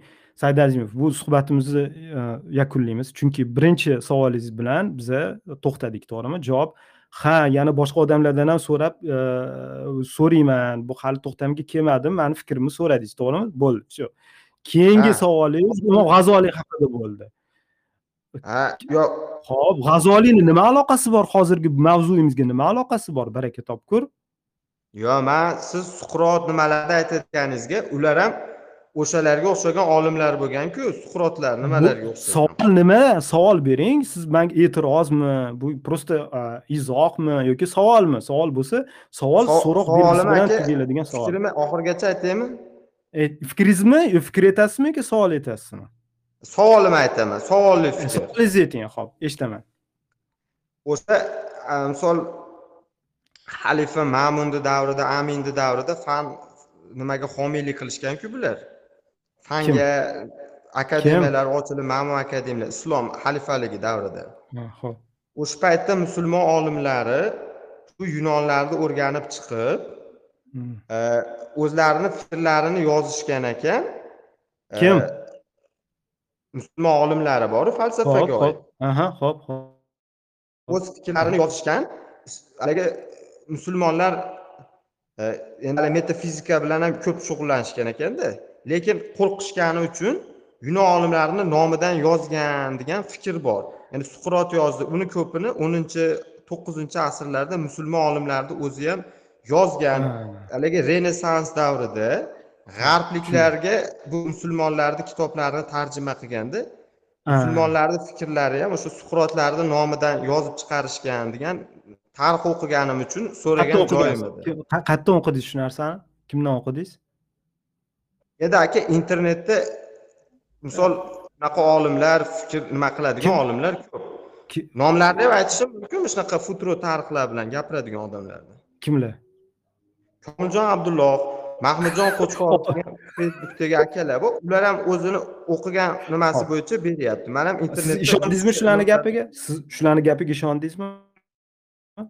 Yo'q man o'shanga siz shuni mutaxassis bo'lganingizga sizni fikringiz qanday? Yo'q noto'g'ri fikr bu. tushundim sizni. Tushundim sizni. Rahmat. Ularni fikri noto'g'ri. Juda noto'g'ri. Chunki bu mani qanaqadir bir shaxsiy qarashim emas. Bilasizmi bitta narsada siz tasavvur qiling qanaqa yer sharida yashayapsiz hozir. Siz man yer sharida biza. Bu yer sharida yetti milliard aholi bor bizdan avval ya'ni nechi yuz million aholi yashab o'tgan nechi milliard yuz million aholi yashab o'tgan. Siz murakkablikni tasavvur qiling. Biz agar kichkinagina shayxontohur rayonida yashagan bo'lsak shunga o'xshagan fitnali mana shunaqa ishlarni qilish mumkin edi o'shanda ham qiyin bo'ladi. Bir narsani fitnalashtirish judayam qiyin bir narsani fitnalashtirib soxtalashtirish judayam qiyin. Bittasi shu narsani soxtalashtirsa yigirmatasi o'sha aybini topib beradi. Ochib hammaga ko'rsatib sharmanda qiladi. Mazza qiladiku odamlar birovni sharmanda qilib ko'rsatishga.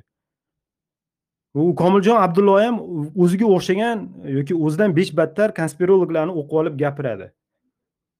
O'zi bundoq o'tirib bir narsani mustaqil ravishda tahlil qilib manbalarni titkilab o'qigan o'rgangan odam bo'lmasa kerak deb o'ylayman bu odamni.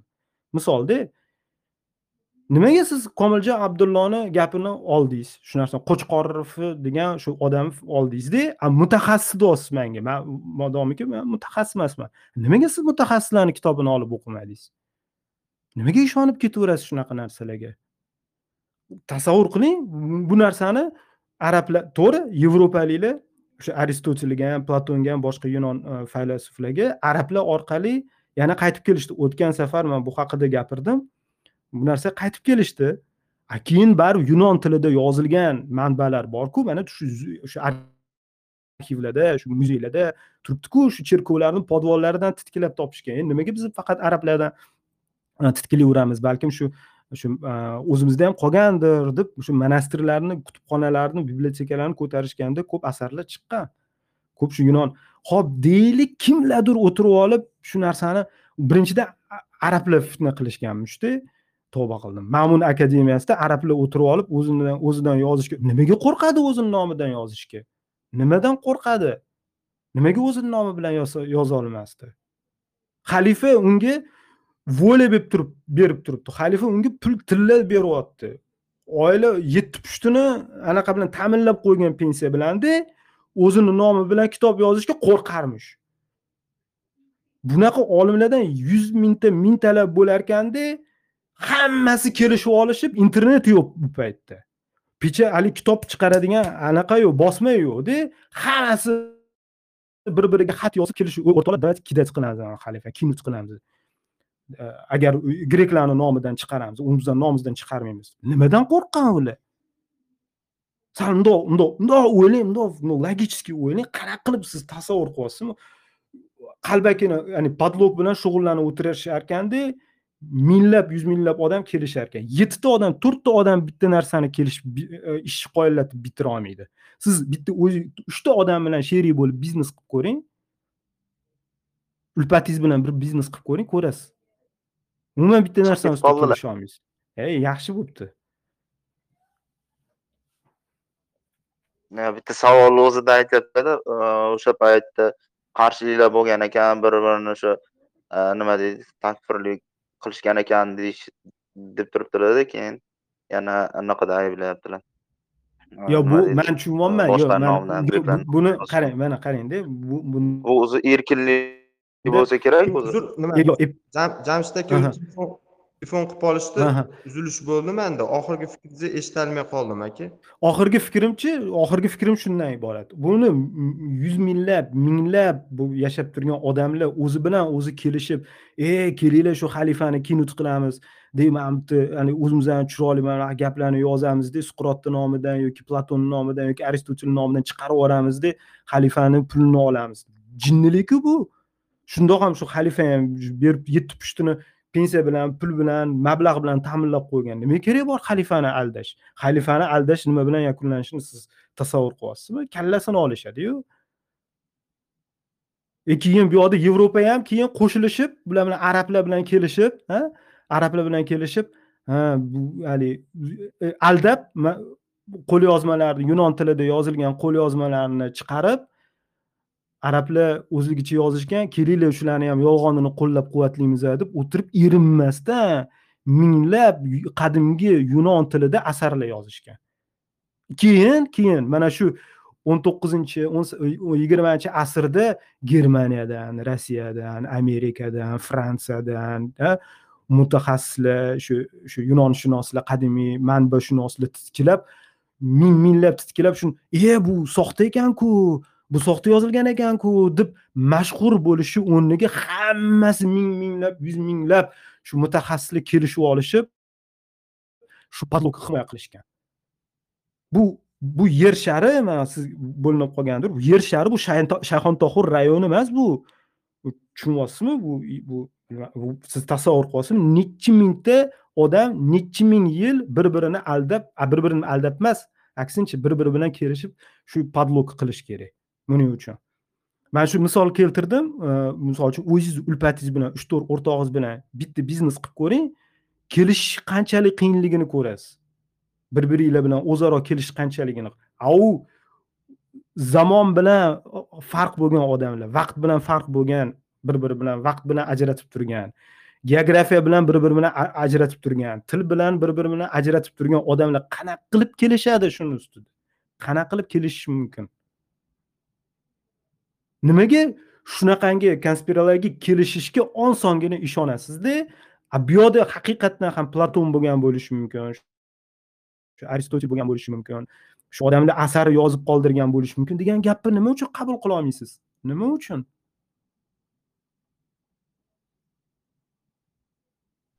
Yo'q man keyin yo'q yo'q gapirsinlar odilxon gapirsinlar. odilxon gapirsinlar gapiring gapiring yo'q qabul qilolmaslik emas shu bo'yicha fikr bunaqada aka fanda shubhalanish degan narsa borku to'g'rimi? Misol fandagi shubhalanish bilan fandagi shubhalanish bilan mana bunaqa детский shubhalanish o'rtasida gigant farq bor. Siz adashtirmang. Ho'p bitta savol borda aka.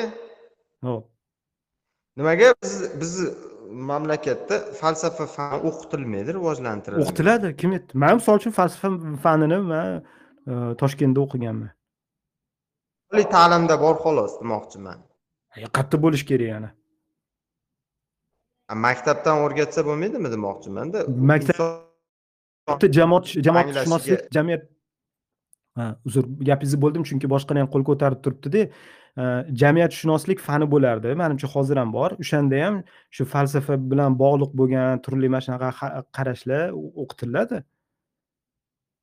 Yo'q yo'q hozir yo'q chiqarib yuborilgan politologiya jamiyatshunoslik yo'q politologiya maktabda o'qitilmaydiyu endi maktabda nima uchun o'qitilmaydi bilmayman. Manimcha maktabda o'qitilishiga manimcha erta bo'lsa kerak. Agar maktabda mantiqiy fikrlashga tarixiy fikrlashga tarixni o'rgatadigan bo'lsa e, shularni yaxshi o'qitadigan bo'lsa e, inson anaqa shakllanib tayyor bo'lib ana endi keyin falsafiy bilimlar olishga qiziqishi mumkin. Lekin man hozir man eslayapman maktabda e, filosofiyani o'tmagani bilan man shunaqa kitoblarga qiziqardim. Man o'zimcha o'qirdim shu narsalarni kitob o'qishga ham qiziqishga odam o'ziga ham bog'liqda. Mayli boshqalarga ham savol beraylik. Savol javob uchun aha ho'p rahmat. Sharafiddin nova house desi mana shu odamlar qo'l ko'tarishgan edi.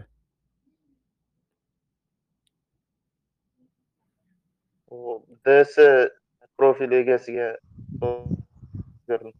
nova house shahriddin gapiring. Uzr assalomu alaykum. Va alaykum assalom jamshid aka uzr haligi kechikib kirib qoldim o'zim ham. Maktabda e, oliy ta'limda falsafa boru boyagi siz o'tgan darslarni umuman qisqartib tashladi. Ichiga dinshunoslikni ham etika estetikani ham mantiqni ham kirgizib yubordi hozir. Soat qisqarib keyin maktabda o'tilmasligi aytgan gapingiz to'g'ri. Hali u bolalar uni nima qilolmaydi o'zim. Chunki oliy ta'limda olti yil falsafadan dars o'tdim. Hozir maktabda уже tarbiyadan dars beryapman. Xabaringiz bor bundan. Hmm, savolimga keladigan bo'lsak savolim suqrotni mana shu dialoglarida dialektika bilan sofistikani ajratishga uncha nimam yetmaydida haligi. bilimimmi nimadir o'shani e, bilmoqchi edim yo keyingi suhbatingizda nima qilasizmi yo hozirmi? Keyingi suhbatda bu narsada to'xtalaman. Endi umumiy qilib gapiradigan bo'lsak sofistikada ko'proq so'z o'yini endi umumiy tushunib qolinadigan ma'noda aytyapmanda so'z o'yini qilib birovni mot qilish ya'ni maqsad nima? Sudda yutib chiqish yoki siyosiy bir asosiy narsa. tarafdorlarini tarafdorlarini o'zi biron bir siyosiy qarorga tarafdorlar sonini oshirish yoki birovni mot qilib e, gap bilan mot qilib o'zini ustun qilish e, maqsadida so'z o'yinlari qilib sofizm bilan sofistika bilan e, shug'ullanishadi.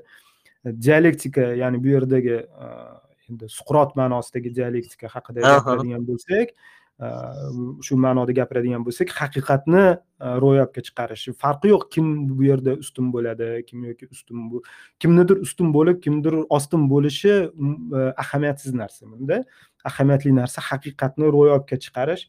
Endi geraklit ma'nosidagi e, dialektika haqida gapiradigan bo'lsak endi bu gegelni dialektikasiga yaqin ziddiyatlar ziddiyatli qarashlar ziddiyatli g'oyalar to'qnashganda mana shu g'oyalar to'qnashganda biron bir bu qimmatli narsa paydo bo'ladi g'oya paydo bo'ladi teza antiteza bo'lib shu sintez bo'lib e, shu ikkita qarama qarshi e, g'oya bir biri bilan to'qnashganda balkim birlashgan holda ya'ni undan ham qiziqroq narsa chiqib qolishi mumkin yoki bir ikkinchisini inkor qilganda yana haqiqatmi yoki biron bir qiziqarli yoki foydali bir g'oya e, unumdor bir g'oya chiqib qolishi mumkin. Shu nuqtai nazarda. Farqi shunda.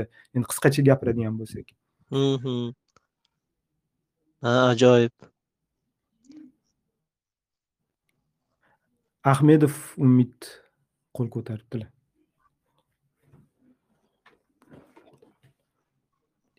Umid aka marhamat.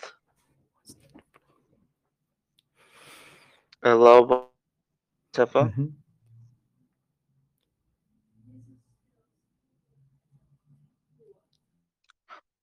siz bosasiz nimagadir manda.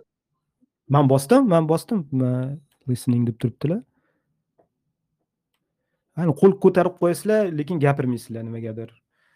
Balkim bu yerda qanaqadir bir texnik e, muammo bordir. Nimaga? Bilmadim bilmadim ikkovimiz bosyapganimizga o'shangadir balkim. ko'chmayapti shekilli. Ha unda siz ahmedov umidga beringda shu boshqalarga ham boshqatdan keyin yana beringchi ahmedov umid nova house ds shahridan hozir bular gapirdilar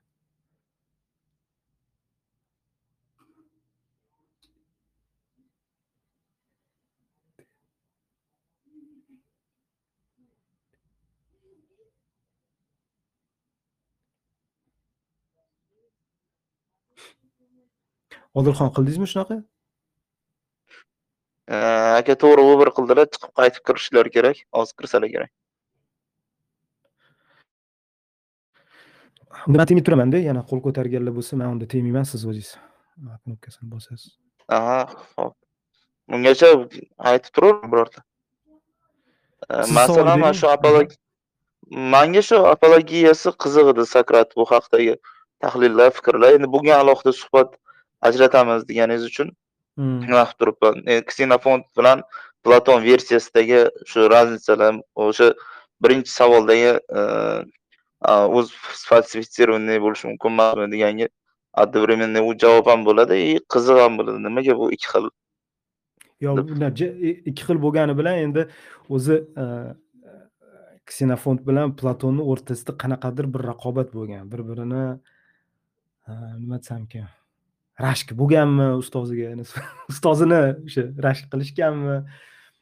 Bo'lmasam ikkalovi shu aslzodalardan baquvvat odamlar ksenofont jangari odam ksenofont anaqaga shu e, forsga shu eronga kir podshohiga yollanib ketganda suqrot o'zi unaqa tavsiya bermaydi. Undan ko'rasi shu ibodatxonaga borib fol ochgin borish bormaslikni fol ochgin desa borib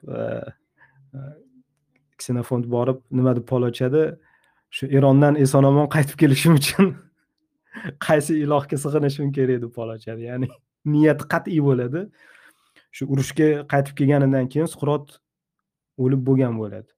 Manda shunda savol tug'iladi. Ksenofont o'zi shu sudda turganmi bo'lganmi yoki boshqa boshqa odamlarning e, gapidan olib yozganmi degan savol tug'iladi. Platonku shu sudda bo'lgan shu mahkamada e, shu qatnagan bevosita qatnagan.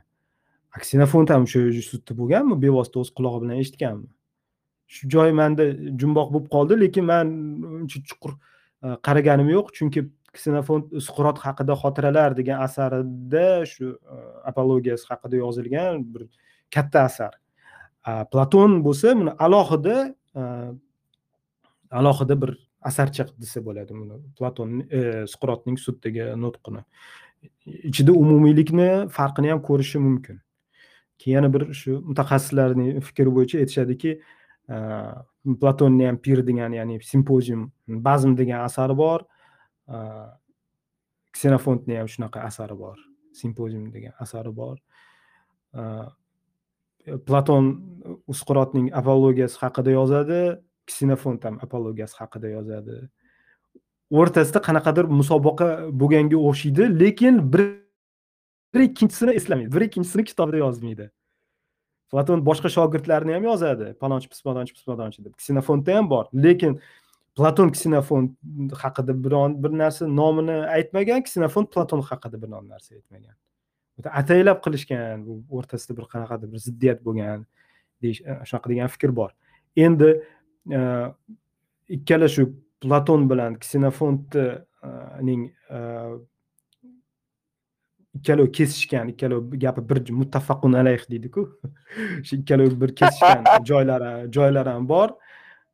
Keyin farqi ham bor. Endi bitta mutaxassis aytgan edi ksenofont ko'proq suqrotning shu axloqqa etikaga yaxshilik va yomonlik mavzusiga qaratgan nuqtalariga urg'u bersa Э, platon bo'lsa ko'proq shu э, haqiqatni izlash haqiqatni tadqiq qilish mavzulariga ko'proq e'tibor beradi. Suqrotning shu jihatiga ko'proq e'tibor beradi deydi.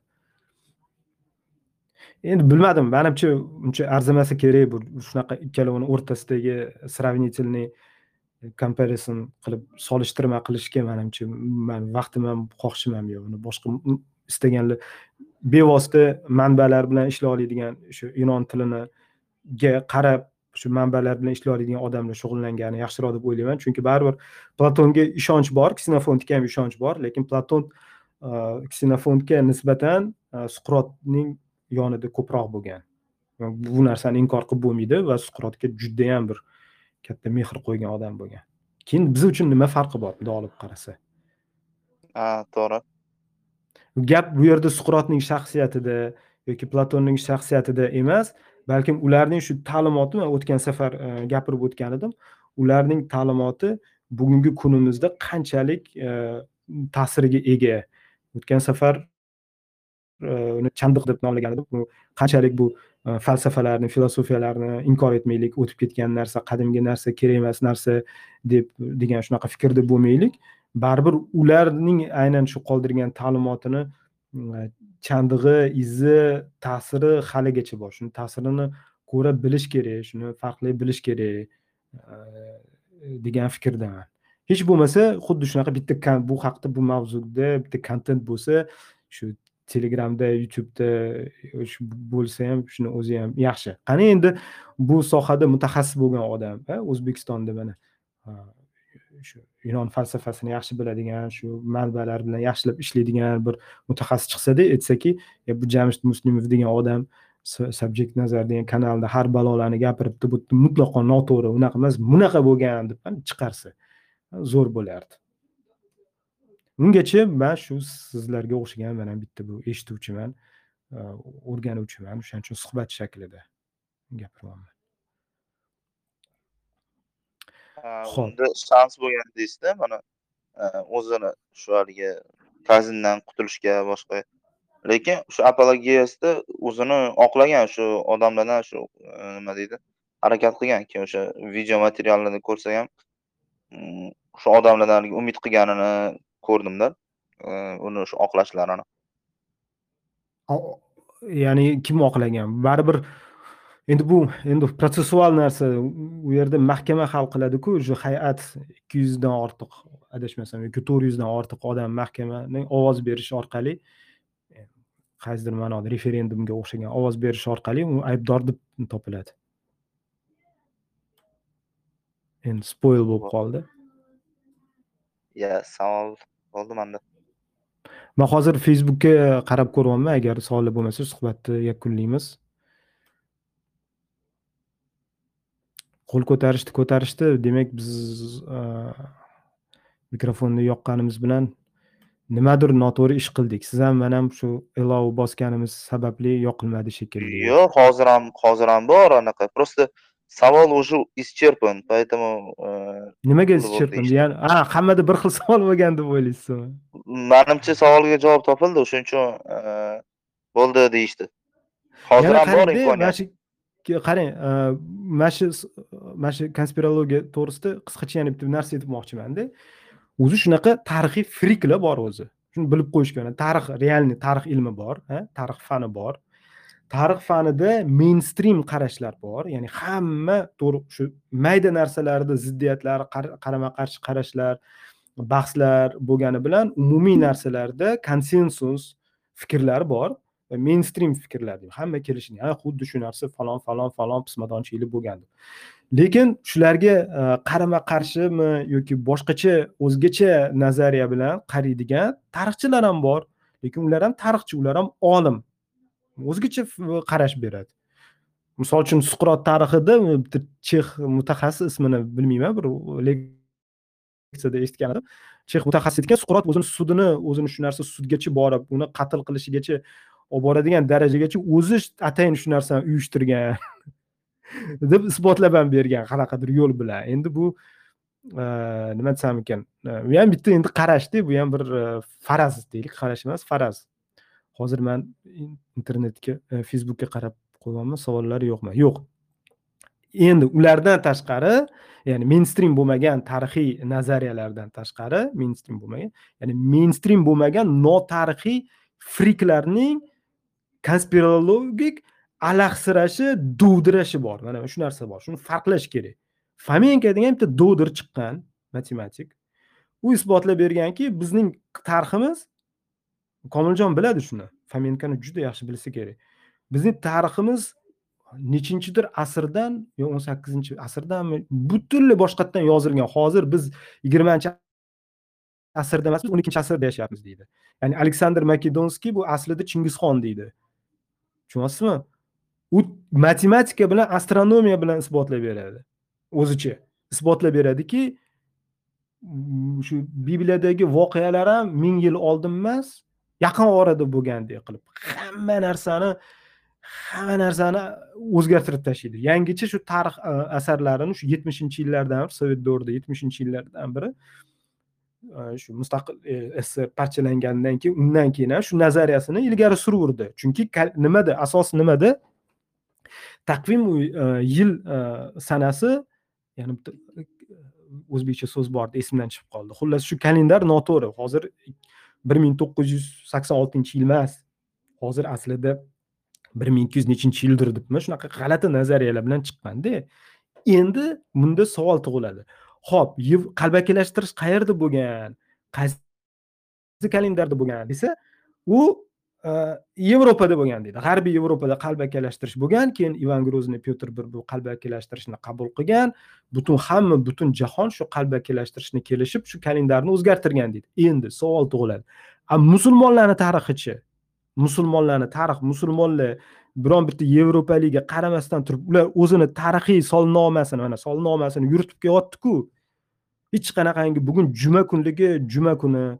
Ramazonda o'sha hayiti bir ikki kunga farqlanadi lekin ramazon yili bir xil. Salibchilar nechinchi yilda shu e, qudusga bostirib kelishdi shu yillarini hammasini yozib qoldirishyaptiku. Shu o'sha musulmonlar kalendari bilan o'zini solnomasi bilan tarixiy manbalari bilan arab tilida fors tilida turkiy tilida yozib kelyaptida ana endi yevropaliklarni tarixini solnomasiga solishtirsa mos kelyapti. Qanaqasiga biz endi bunga nima deysiz desa ular bunga javob berishmaydi.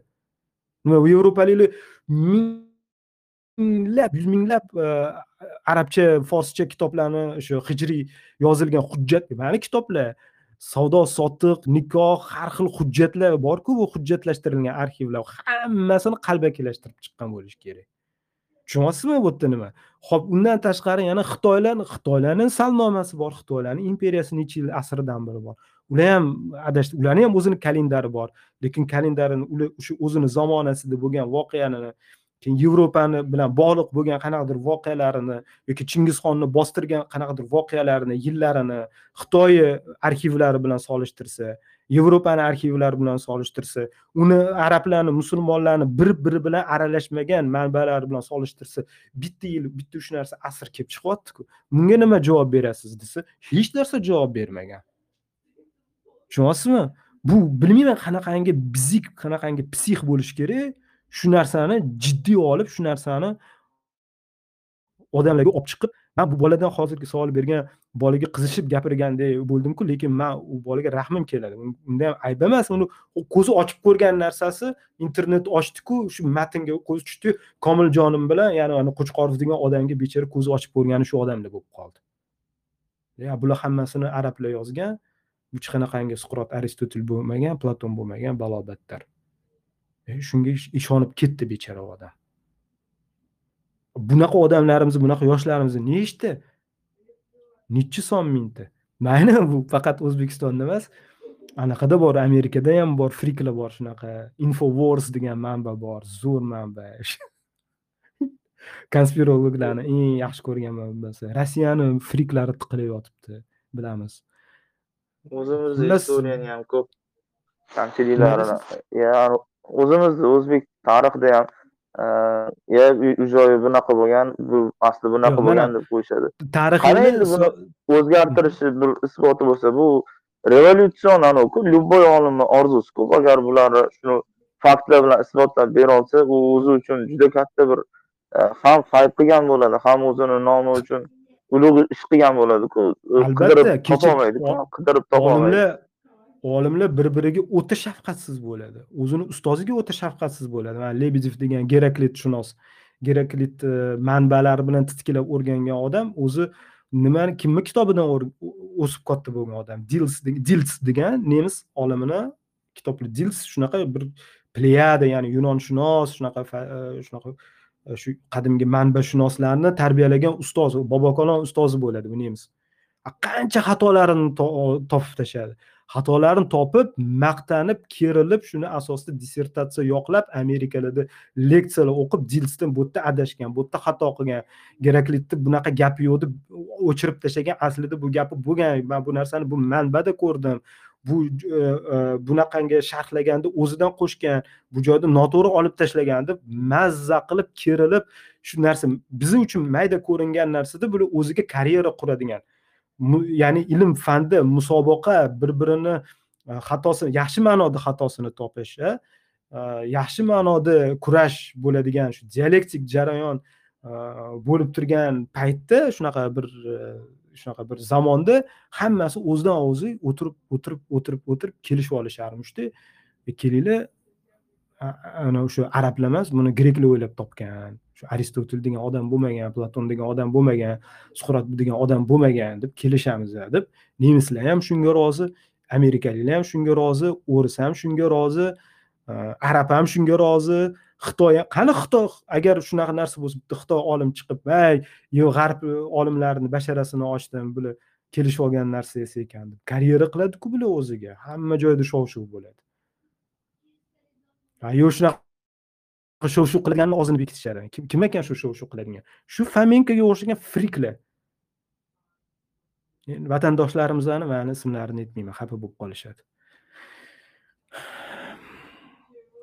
Mayli shu bilan e, qizishib e, gapirgan bo'lsam ko'nglinglarga olmanglar xafa bo'lmanglar. O'zi oldingi audioda ham aytgan borim shu. Anchadan beri sog'inib qolgan bo'lsam kerak shunaqa e, suhbatlar bilan. Xo'p. Shu bilan yakunlaymiz. Odilxon, bormi siz qo'shimcha yoki savollaringiz bo'lsa, gapirib oling. Sizni ham gapingizni kesib qo'ydim. yo uzr boya e, noo'rin nima qilganimcha endi bu istoriya soham bo'lgani uchun sal chidab turolmadimda ko'p eshitaman shunaqa narsani ya e, sohangni so'rashadi istoriya o'qiyman tarixchiman desam ya u ertaga o'qiysan fuflu o'qiysan deydi kerak emas narsa deb qo'yadi. Bir bugungi zamonga nima keragi bor deb qo'yadi. A bu ideyalar bilan ishlaydi degan narsani tushuntirib berolmayman ularni endi bu matematika emasda yo biologiya emas. Shuning uchun ertaklarni o'qib yuribsan ekan hammasi deydi yoz anaqa deydi uydirma deydi. Bularni yahudlarni o'qigan deydi keyin sovetskiy bilan solishtirsang deydi umuman ikki xil chiqadi. O'rganayotganlar endi qarang yani ikkinchi jahon bu kishi aytdilarki ikkinchi jahon urushida ham tariximiz soxtalashtirilgan deyapti.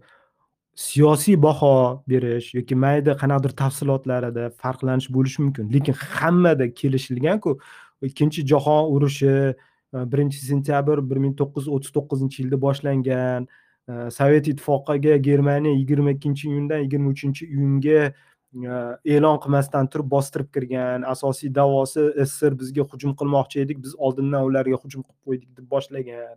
Buni hech kim inkor etmaydigan konsensus bo'lgan bir e, aynan aynan ikkinchi jahon urushi faktlar borku aynan ikkinchi jahon urushi mavzusida ikkinchi jahon urushi mavzusida maleyshi fakt ham anaqa emas nima deydi e, shubha ostida emas. Hammasi soati minutigacha aniq yozilgan. Hujjatlashtirib e, ya'ni eng qizig'i nemislar judayam pedantku ana xuddi kapitan e, kemadagi kapitan har bir bo'layotgan voqealarni kundalik jurnaliga yozib yursa komandir nemis komandirlari hammasini kitob jurnallariga yozib yurgan. Nima bo'ldi soatni ichida kirdik qayerda hujum bo'ldi u bo'ldi bu bo'ldi. Hammasi arxivda bor hamma hujjatlar bor. Yana nimani shubha ostiga olish mumkin yana? Shunga man hayron qolamanda. Endi bu hop mayli ikkinchi jahon urushi endi undan ham qadimgi narsalarni. E, xullas. Yo mayli qanaqadir e, nimada bo'lsa kerak tabiatida bo'lsa kerak odamda какая то склонность что нас обманивают. Bu e, qanaqadir katta yolg'onni ichida yashayapmiz degan. Bu ishonuvchi bu aslida ishonuvchansizlik qobig'ida bo'lgan ishonuvchanlik bu. Tushunyapsizmi ya'ni bu soddalikni bir turi hamma narsaga shubha bilan qarash hamma narsaga shubha bilan qarash bu bu ham bir soddalikni turi. Nimaga? Ishonuvchanlikni turi. Nimaga? Ishondiku shu odamni gapiga moyilroq bo'ldiku chiqib olib a buni o'ylab topishgan narsa degan gapga ishonib ketdiku.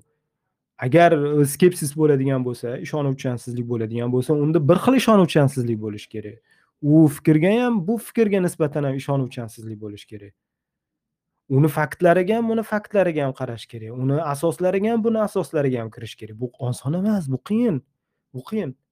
Oson yo'li misol uchun mutaxassislarni fikriga ishonish. Misol uchun man shu yo'lni topdim deylik. Man mutaxassislarni fikriga ko'proq moyilroq bo'laman. Man o'zimcha e, bu qadimgi yunonlarni kitobini bitta mutaxassis eshitaman ikkinchisini eshitaman uchinchisini eshitaman o'qiyman to'rtinchisini eshitaman. Va o'zimcha qanaqadir bir xulosaga kelaman va man bilamanki bu mutaxassislar mutlaqo bir biri bilan kelisha olmagan mutaxassislar. Kelisha olmasdi ham. Kelishib olishga imkoniyati ham bo'lmagan. Va bir mutaxassis ikkinchi mutaxassisdan keskin farq qiladi. Bir mutaxassis bevosita manba bilan ishlaydi. Bevosita manbalar bilan ishlab u fikrini aytadi. Boshqa mutaxassis bo'lsa boshqa mutaxassis bo'lsa u bilvosita boshqa mutaxassislarning fikriga tayangan holda biron bir fikr bildiradi. Odamda mutavotir xabar. Ya endi bu boshqa narsa endi mutavotir. Mutavotir mayli bu bu narsaga anaqa qilmaylik. Bu mavzuni aralashtirmaylik lekin e, e, nima desamki shu suqrot aytgandek aql borku buni ziddiyat agar ziddiyatli ziddiyatlar ko'p bo'ladigan bo'lsa ziddiyatlar ha demak bu yerda bir gap bor deysiz. Bu yerda kimdir adashyapti kimdir noto'g'ri gapiryapti deysiz bu kimdir haqiqatdan aldayapti bo'lib chiqadi. O'sha keyin keyin e, o'rganishni boshlaysiz. Qiziqasiz u uni fikriga uni fikriga qarashni boshlaysiz. Lekin по умолчанию by default hamma narsaga man ishonmayman deb qarab olish ham bir qiziq narsa.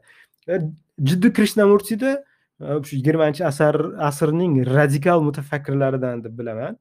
O'ta noyob original mutafakkir. Uni pozitsiyasi shunaqa edi.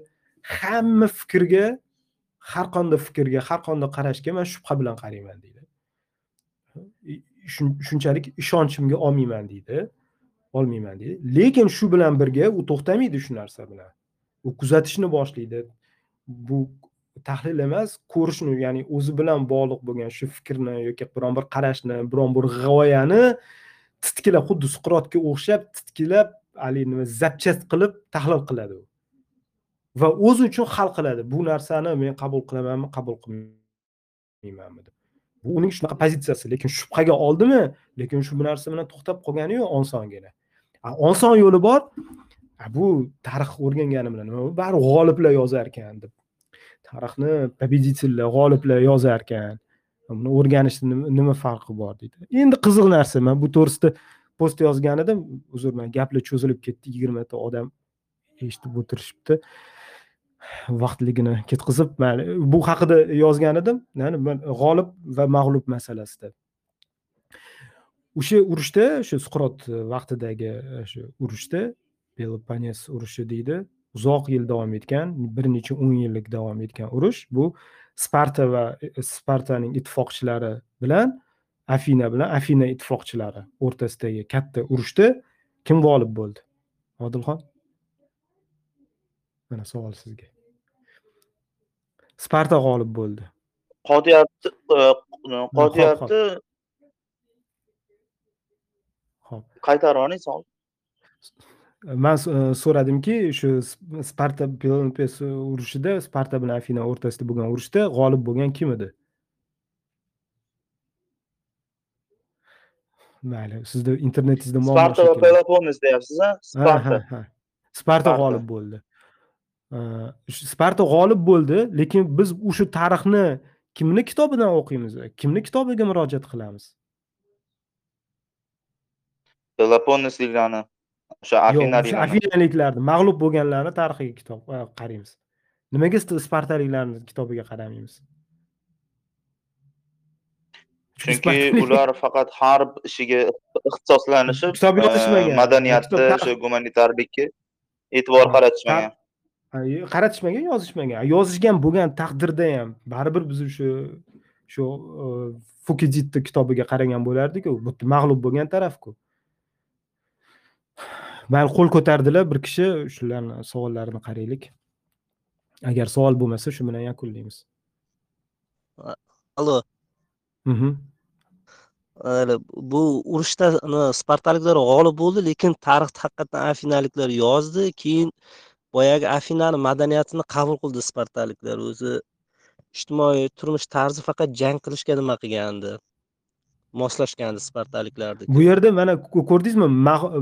Urushda mag'lub bo'lgan taraf tarix yozdiku ha ha xuddi shunday. Chunki afina уже madaniyatlida spartaliklar faqat jangchi edi ular. Demak demak tarixni mag'lub yoki g'olib emas. Tarixni madaniyati yuksakroq bo'lgan taraf yozadi shu narsani yetkazish muncha qiyin muncha qiyin shu odamlarga yetkazish shu narsani. Tarixni g'oliblar yozadi degan. Nima qilibdi man to'g'ri bu fikrda ham jon bor. Bu fikrda jon borki g'olib taraf o'zini haq qilib ko'rsatadi mag'lub tarafni nohaq qilib ko'rsatadi. Hamisha bunaqa emas. Misol uchun agar shu yuliy sezarni gal urushi urushnomasini o'qisangiz mag'lub tarafini ham haqiqatini yozadi to'g'ri o'zini oppoq qilib chiroyli qilib ko'rsatishga harakat qiladi. Lekin boshqa tarafning mantig'ini logikasini o'ziga xos haq haqiqatini ham yozadi. U bir undan tashqari e, g'olib taraf e, tarixni buzib yozgan taqdirda ham boshqa bu g'olib tarafga muqobil bo'lgan yoki umuman aloqasi bo'lmagan tarixchilar tarix yozadiku yonidan turib biqinidan turib yozadiku. Tarix deganda bu bitta tarix kitobi tushunilmaydiku. Tarix deganda shu tarix e, manbalari tarixiy manbalari izlanishlar tadqiqotlarning jamlanmasi tushunadi va ulardan ya'ni shu man aytib o'tgan narsa ajra mainstream qabul qilingan konsensus va konsensusdan farqlanadigan bir tarixiy nazariyalar. To'g'ri ular ham ilmiy nazariya ularni ham tashlab yuborib bo'lmaydi. O'shalarga qaraladi va ularni mana shu ikkita e, yo'nalishni friklardan ajratish kerak farqlash kerak ularni aralashtirish kerak emas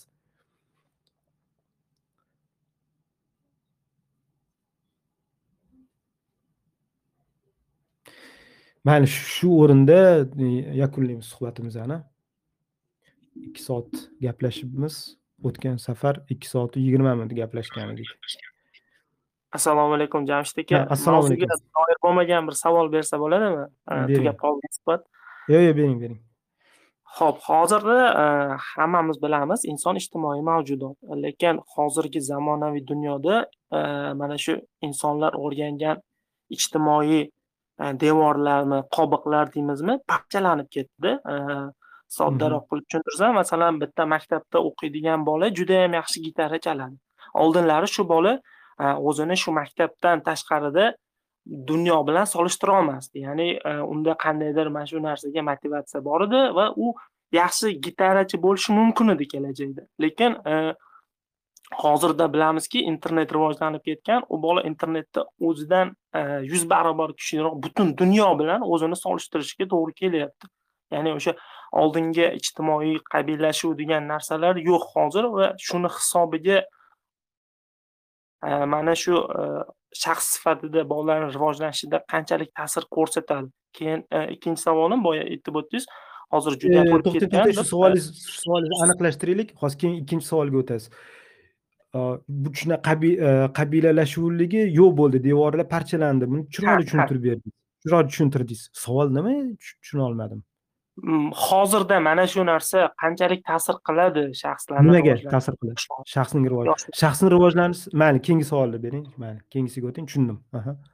Keyingisi o'sha siz aytdingiz youtubeda friklar juda yam ko'p. Hozir o'sha социальный dilemma degan filmda ham netflix keltiradi e, demokratiyaga tahdid sifatida. Ya'ni e, o'sha har xil e, o'sha friklarga youtube judayam kuchli qurol bo'lib xizmat qilyapti. O'sha pizzagate misol qilib keltiradi keyin o'sha yerni yassiligiga ishonuvchilar bir jamoasi borligini misol qilib keltiradi va uni ko'rgani sari youtube juda yam ko'p odamlarga anavi qilaveradi taklif qilaveradi va buni ko'rib boya siz aytgan o'sha hamma narsaga ishonuvchi odamlar ham shuni qurboni bo'lib qolyapti. Mana shu youtube ham kelajakda qandaydir ular xavotir olgan darajada ta'sir qila oladimi?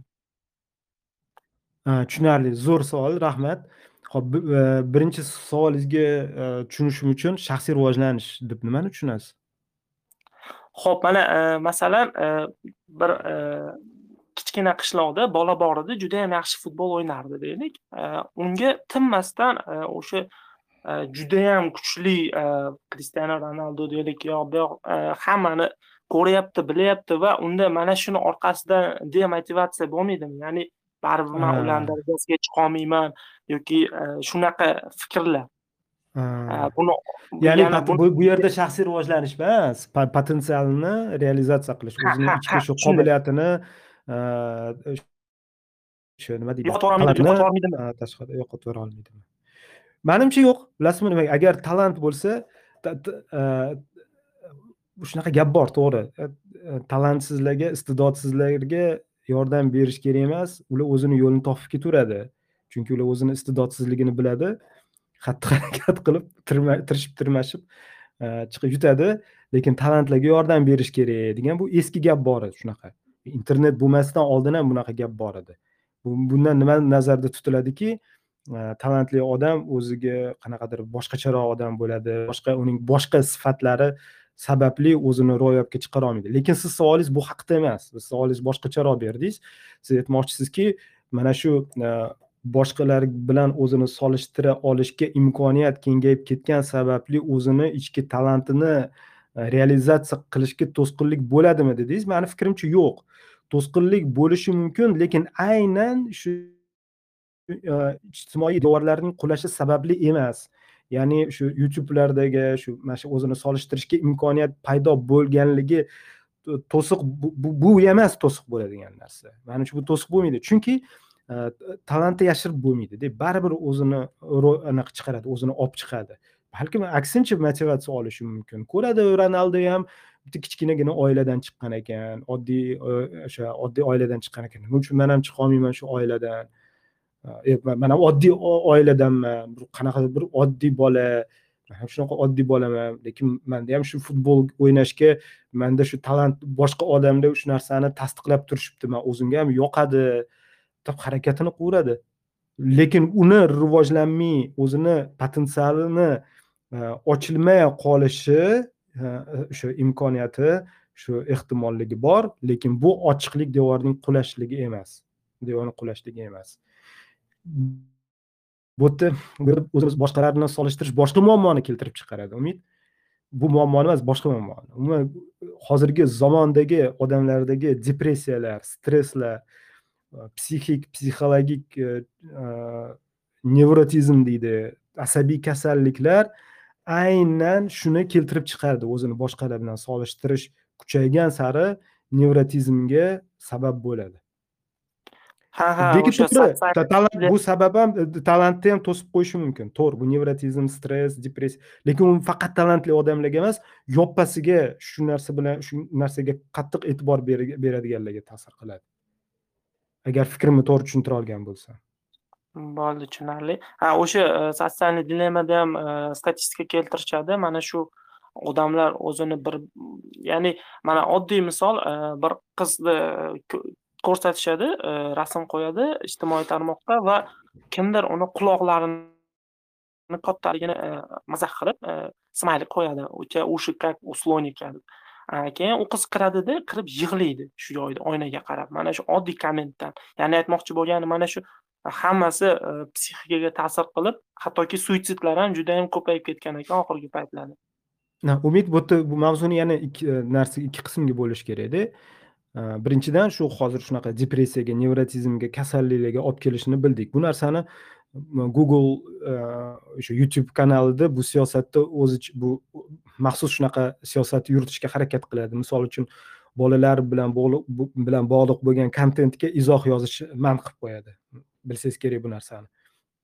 Siz biron bir kontent chiqarayotganingizda bolalar bilan bog'liqmi deb so'raydi? Siz ha deb shu galochkani qo'ysangiz siz hech kim izoh yozmaydigan qilib qo'yadi. Biron bir bola o'zicha shu youtube kanalini yuritishi mumkin shu youtube kanalini yosh bola maktab bolasi yuritayotganda birovni izohi shunaqangi og'ir botib ketish xavfi bo'lganligi uchun izoh izohni qo'ydirtirishmaydi.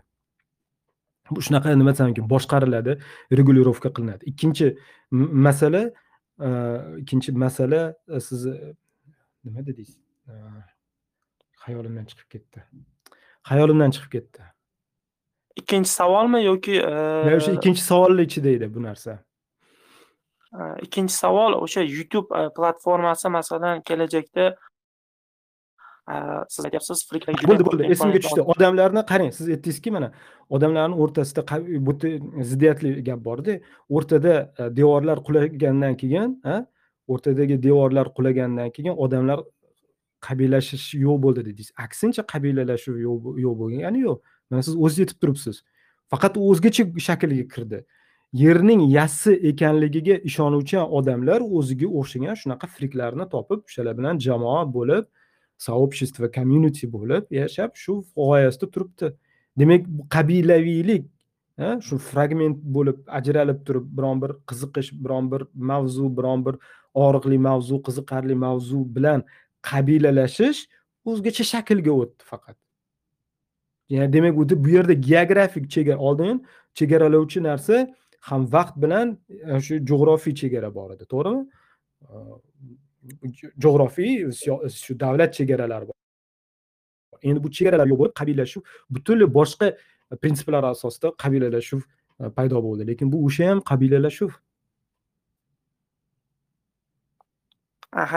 Mana shu ijtimoiy tarmoqlar lekin e, xavf sifatida ko'rish mumkinmi? Biz ko'rdik yaqin. Donald tramp oddiy oddiy tvitti bilan oq uyni zabt qildirdida. Nima bo'ldi nima bo'ldi oq uyni zabt qilib? Qani ayting? Yo'q anchayin betartibliklar kelib chiqdi. Baribir shu mana shu qayerda? Shu yo'q umid man sizni hozir shu fikringizni aniqlashtirib olmoqchiman qayerda betartibsizlik bo'ldi? Ho'p amerikada oq uyga bostirib amerikada. ha. Nima bilan tugadi bu bu bartaraf qilindi lekin baribir anchayin ko'ngil xushsizliklar keltirib chiqardida ko'ngil xushsizlik muammomi yoki tizimni parchalanib ketishi ko'proq kattaroq muammo albatta tizimni parchalandimi tizim parchalandimi tizim o'zini o'zi himoya qila oldimi albatta bo'ldi yana qanaqa muammo ko'ngil xushsizlik bo'laveradi biz hayotga keldik hamma narsa bir tekisda bo'lmaydiku ko'rdingizmi gap bu yerda muammo nimada? Qayerdadir shu ijtimoiy tarmoqlarning qarang e'tibor bering umid yaxshilab e'tibor bering. Qayerdadir e, ijtimoiy tarmoqlardagi faollik trigger bo'ladi ya'ni turtki bo'ladi. Triggerlarning turtkilarning bittasi bo'ladi hammasi emas bir qancha. Qayerdadir shu arab bahorini keltirib chiqardi erondagi notinchliklarni keltirib chiqardi. To'g'rimi umid?